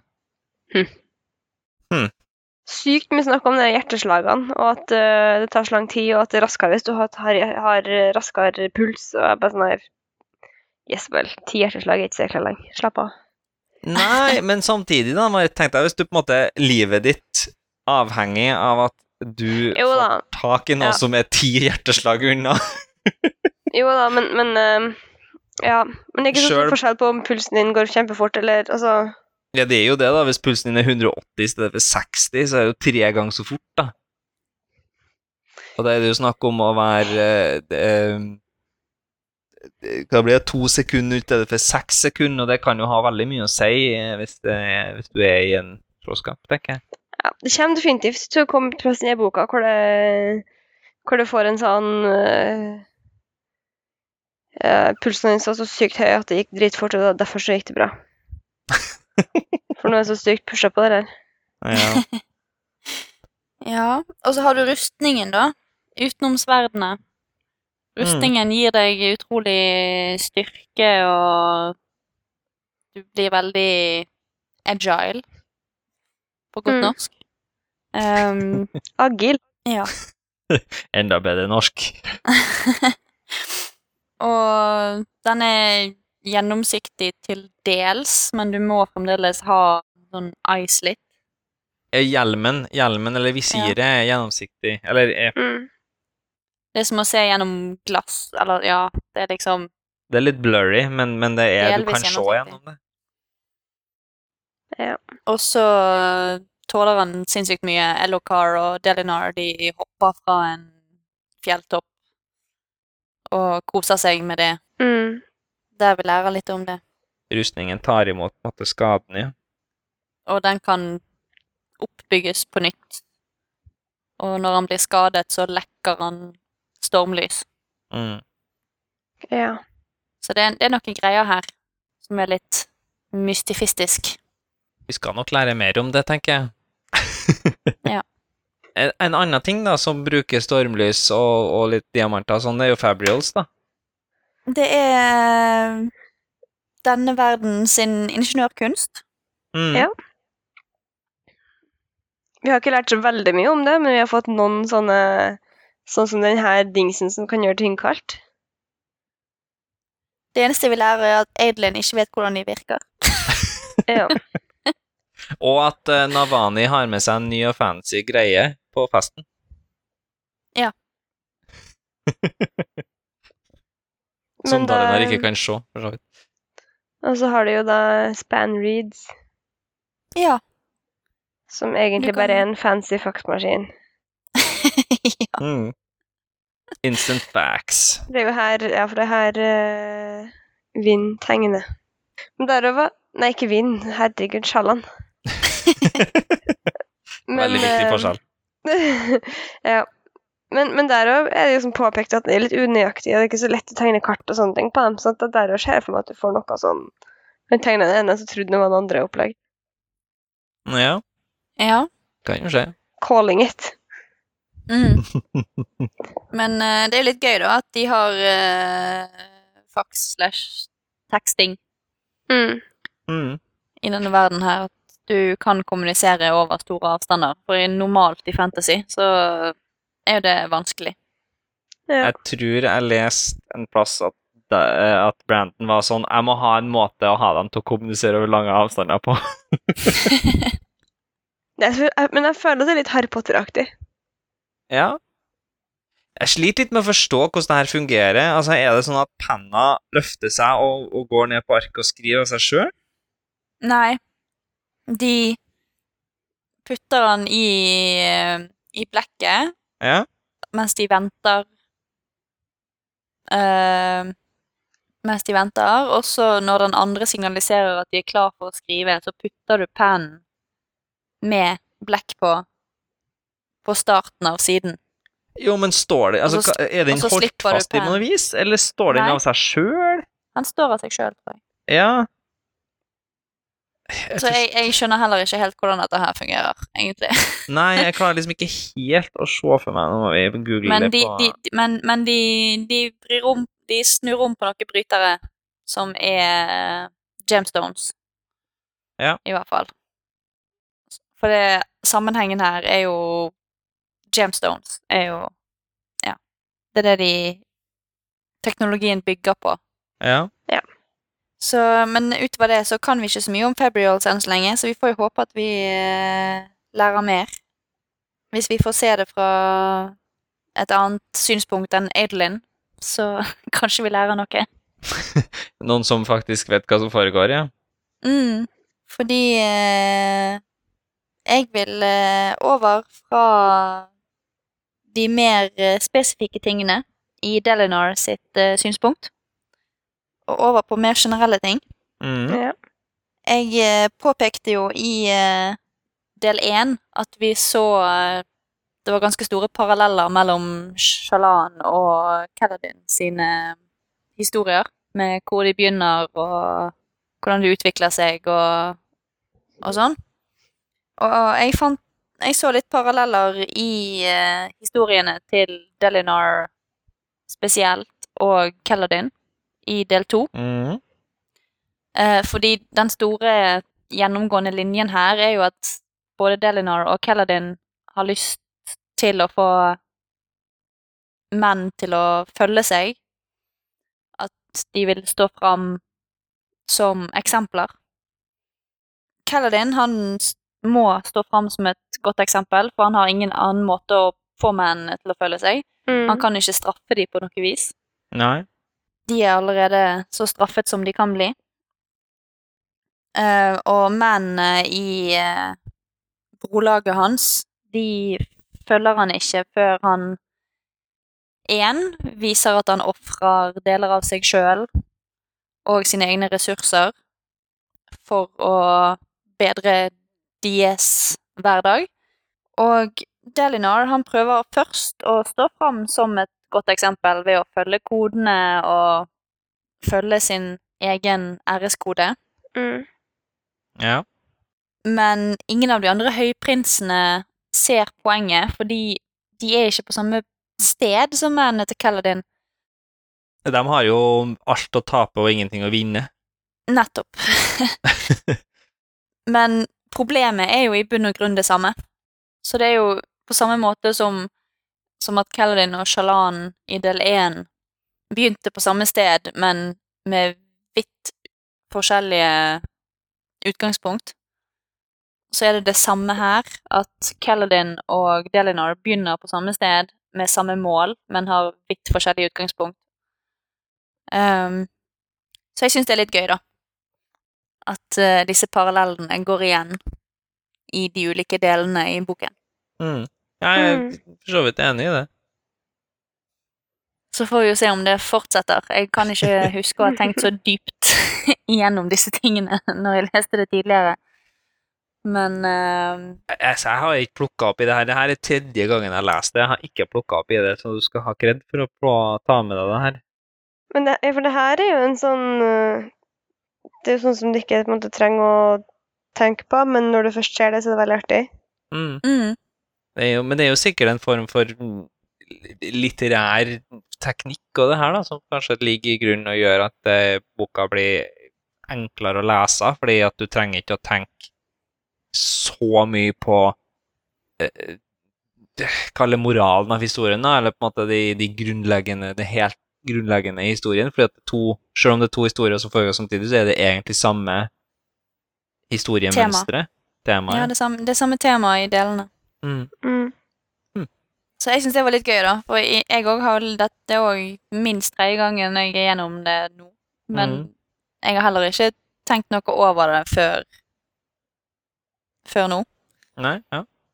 Så jeg eh, gleder meg til å se om jeg finner de samme parallellene når vi beveger oss videre. For jeg kan ikke huske å ha sett noen temaer som går igjen på denne måten eh, når vi beveger oss framover nå. Jeg vet at det dukker opp litt sånn forskjellige temaer framover, men eh, ja, nei, det blir veldig interessant. Jeg, jeg, jeg, klarer ikke helt å se det her tingene, så det er bra du tar dem, du. Så ja. Så, men så syns jeg det er litt gøy òg at uh, vi ender jo opp på litt ulike steder. Uh, Ja. Kaladin får jo mennene sine med seg, mens Delinar får jo ikke det. Vi avslutter delen med at det siste kapitlet til Delinar er at en av høyprinsene sier nei til å gjennomføre et platåangrep sammen med han mens vi avslutter Kaladin sin historie med at mennene hans blir med på, på treningen. ja. Så de har samme tema, men med ulike avslutninger. Vi får jo se da om Delinar får disse høyprinsene med seg på et vis. Ja, det blir Det, det Ja. Om han òg ender opp på samme sted som Kellerin, at folk er med han. Mm. Ja, vi får se. Det er jo eh, basert på kulturen deres, så tenker jeg å beat them into submission eh, ville ha fungert, men eh, det er det han prøver å unngå, kanskje. Ja. Ja. Siste, da, jeg tenker vi kan ta her, er jo de her epigrafene. I del én så fant vi ut at vi bare skulle hoppe litt over dem, fordi vi kanskje muligens allerede har kommet litt tilbake til dem, men um, også fordi de ikke er så sammenhengende. Mm. Men i epigrafen i del to så har vi jo et brev fra en ukjent avsender til en ukjent mottaker, som helt tydelig ikke er særlig gode venner. Eh, brevet sitt hovedinnhold det omhandler jo race, og hvor farlig denne personen er med den kraften han nå besitter. Vi får også høre litt om Ati, som navnes som en snill og god mann, men du kan jo også se hva krafta endte opp med å gjøre med han til tross for det her. Og Race er jo da, eller var jo Og Race var jo allerede en fæl og farlig fyr før han tok opp sharden sin. Så avsender av dette brevet ber nå innerst mottakeren om å legge fra seg sin holdning om å ikke blande seg. Et par sånne småting vi lærer her, er jo også det at Race drepte Aona og Sky på sel, og da splintra deres shards. Og helt til slutt så får vi vite det at eh, mottakeren har venner i det som kalles den syttende shard, som er på jakt etter avsenderen, men at de her allerede er leda på villspor. 17. shard, er- 17 shard, er det som er Som er det her eh, universitetet, skal du si? Nei, det heter noe annet, det. Hvem har vi sett, Marit, som er på jakt etter noen? Hoid? Eller de som leter etter Hoid? Å ja, de dennene. Mm. De derene. Uh, Grump, Blunt og Thinker. Å ja, nei, her, den tenkte ikke jeg på. Hva har du tenkt på? Jeg tenkte på de her Jeg var på en helt annen plass. Var du i Secret Jeg var i Secret History, ja. jeg tenkte på de her Ah. her slottet, si, som kanskje ikke var et slott. Ja, du tenker på uh, i IRE, Iran. Ja. De er ikke irsk, Men eh, men ja. vi vet jo ikke om det henger sammen, da. Eh, Det eneste vi vet om The Irie, er jo at de, så vidt vi vet, er fra Sel. Og vi har jo en fra Sel som vi har truffet i denne delen. ja, for dem, det er den gjengen i, i uh, Pure Lake dere tenker på nå, som er vennene til mottakeren. Mm. Det er i hvert fall eh, Hvis du ser på måten det er formulert på, så er jo det Det kan jo virke litt sånn, i hvert fall. Ja, for det snakkes om at han mottakeren Ja. er um, Det snakkes om at han mottakeren er udødelig, og det er litt sånn Hvem jeg kjenner som er udødelig? Jo, kanskje Seysed og Kelsier. Ja. Så jeg tenker at det må være en av dem to som, som er mottaker, hvis jeg skal vite hvem det er. Men hvem du, tror, hvem du tror er avsender her, da, basert på at det er noen som jakter på avsenderen, og er villeda, og vi allerede egentlig har sagt det? Mottaker er venner som er på jakt etter avsender, ja. OK, men da er det jo Da må det jo være Hoid da som sender det. Ja, det kan hende, det. For det er jo han som er Ja, på jakt etter avsender. Mm. Mm. Så det her er et brev fra Hoid til noen som har venner som er fra både Ja, som er fra Sel, da. Ja, og fra Og Schedule. Og fra det som White Sands er fra, Mm. Ja. som vi ikke har lest ennå. Men det kan jo, det er jo som du sier, det kan, jo være, det kan være både Sesto og Kelsier, da, basert på folk vi vet hvem er. Det kan jo Ja. også være noen vi ikke vet hvem er, men, men uh, sist gang Hoid uh, møtte Kelsier, så gjorde han opp en. ja, for jeg føler at, uh, at det er så aggressivt. Altså, jeg føler at du ville ikke skrevet det på denne måten hvis det var til Seysed. Nei, Så jeg liker å tro at det her er fra Hoid til Kelsier. ja, det, det kan hende. Vi får se om vi lærer noe mer. Det er i hvert fall noen Hoid er veldig uenig med. Ja. Mm. For det som blir, blir sagt i brevet, er jo at de har fullstendig ulik filosofi. ja. At uh, mottaker av dette brevet har en sånn filosofi om å ikke blande seg i det hele tatt. Det høres ikke ut som Kelsier på noe som helst vis, da. Nja, det er sånn både òg, da. Hun bryr seg ikke så mye om altså Nei, jeg vet ikke. Ja, nei. Nei, For det høres se. ut, det høres Nei. ut som Seysed igjen, da, som ikke vil blande seg. Ja, det gjør jo det. Ja, Og det høres Vi egentlig også ut som Jeg tror egentlig at Hoid og Kelsier ikke er så ulike, mens de er ganske ulike Seysed. Ja. ja. Men eh, For det vi lærte om, det vi lærte om Kelsier i Secret History, er jo at han har lyst til å finne en vei tilbake igjen til livet, egentlig. mm, var jo inntrykket vi fikk. Han føler jeg. i hvert fall lyst på en ny Eller en kropp igjen. Mm. Så hvordan det passer inn i det her, det Det er jo ikke en Hva skal jeg si Det å få seg en ny kropp og, og sånt, det høres jo ikke ut som en hands off approach, nei. i hvert fall. Men det er jo litt gøy, da, at vi, vi hører om eh, mennesker som vi har møtt tidligere i Cosmere. ATI har jo vi hørt om før. Ja. På schedule. ATI er jo ruin, Arman. Arman Ruin. Mm. Og det er jo her eh, Jeg nevnte jo Jeg husker, jeg tror det var i Secret History-episoden at jeg sa at ja, men han har jo vært en, eh, en snill og ålreit fyr. Og det var her jeg hadde det fra, da. Mm, takk. Ja. litt lett. Eh, Ja. Nei, det er ikke så lett. Nei, etter hvert så blir det litt vanskelig å vite hvor du har Ja, det er det, ass. Folk. Eller, ja, folk og alt blander seg. Mm. Uh, men en annen ting da vi lært her nå, det er jo uh, Aona og Sky på sel. Ja. Um, og at de er drept og splintra og det ene og det andre. Jeg kan ikke komme på at vi hørte om dem. jeg. Nei, Nei, vi har, ikke, vi har ikke fått navnene før. men har du hørt noe som ligner? Aon og Aona, liksom. Ja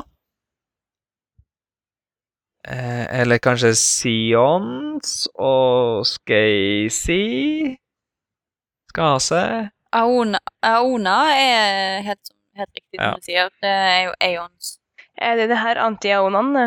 Mm, Skasan? Skasan ja, Ja. Det er jo disse si, omvendte sionene. But they did now. Mm. Nei, de, de er ikke døde. Ja, de, jo, de er døde her. Eh, Altså, Aona og Sky er døde her, da. Så det er jo et spørsmål hva har skjedd med Sel, eller har det her skjedd før, eller vi vet ikke, da. Men vi vet jo at de der eh, shardsen som var på Sel, ikke var særlig aktiv, i hvert fall på Sel, på tidspunktet i Elantris. Mm. Men her er jo Galadon, så det må jo være etterpå. Ja, Eller må det det? Jo, det må det. eh, det Ja, er etter men- historien i Elantris, men vi vet ikke om eh, det Hoid da skriver om Aona og Sky har skjedd før eller etter historien i Elantris. Nei, sånn, ja. Ja, det kan skje. Kan hende. Så ja. Det, det er jo litt, det er litt verdensbygging her. Ja. I forhold til tidligere bøker syns jeg det var litt sånn rart at epigrafen plutselig endra format fra del 1 til, del 2. Ja, eh, Ja. Epigrafene i Stormlight er litt all over the place. Ja. ok. ja. OK. Vi kan si vi kan si såpass mye som at hver del er separat når det kommer til epigrafer. Ja, OK. Men så det er jo liksom det at nå, nå i, i Stormlight her, da, i, i hvert fall i denne epigrafen og i Interlude 1, så flettes jo noen ting litt sammen, da. Mm, I større grad enn det har vært tidligere.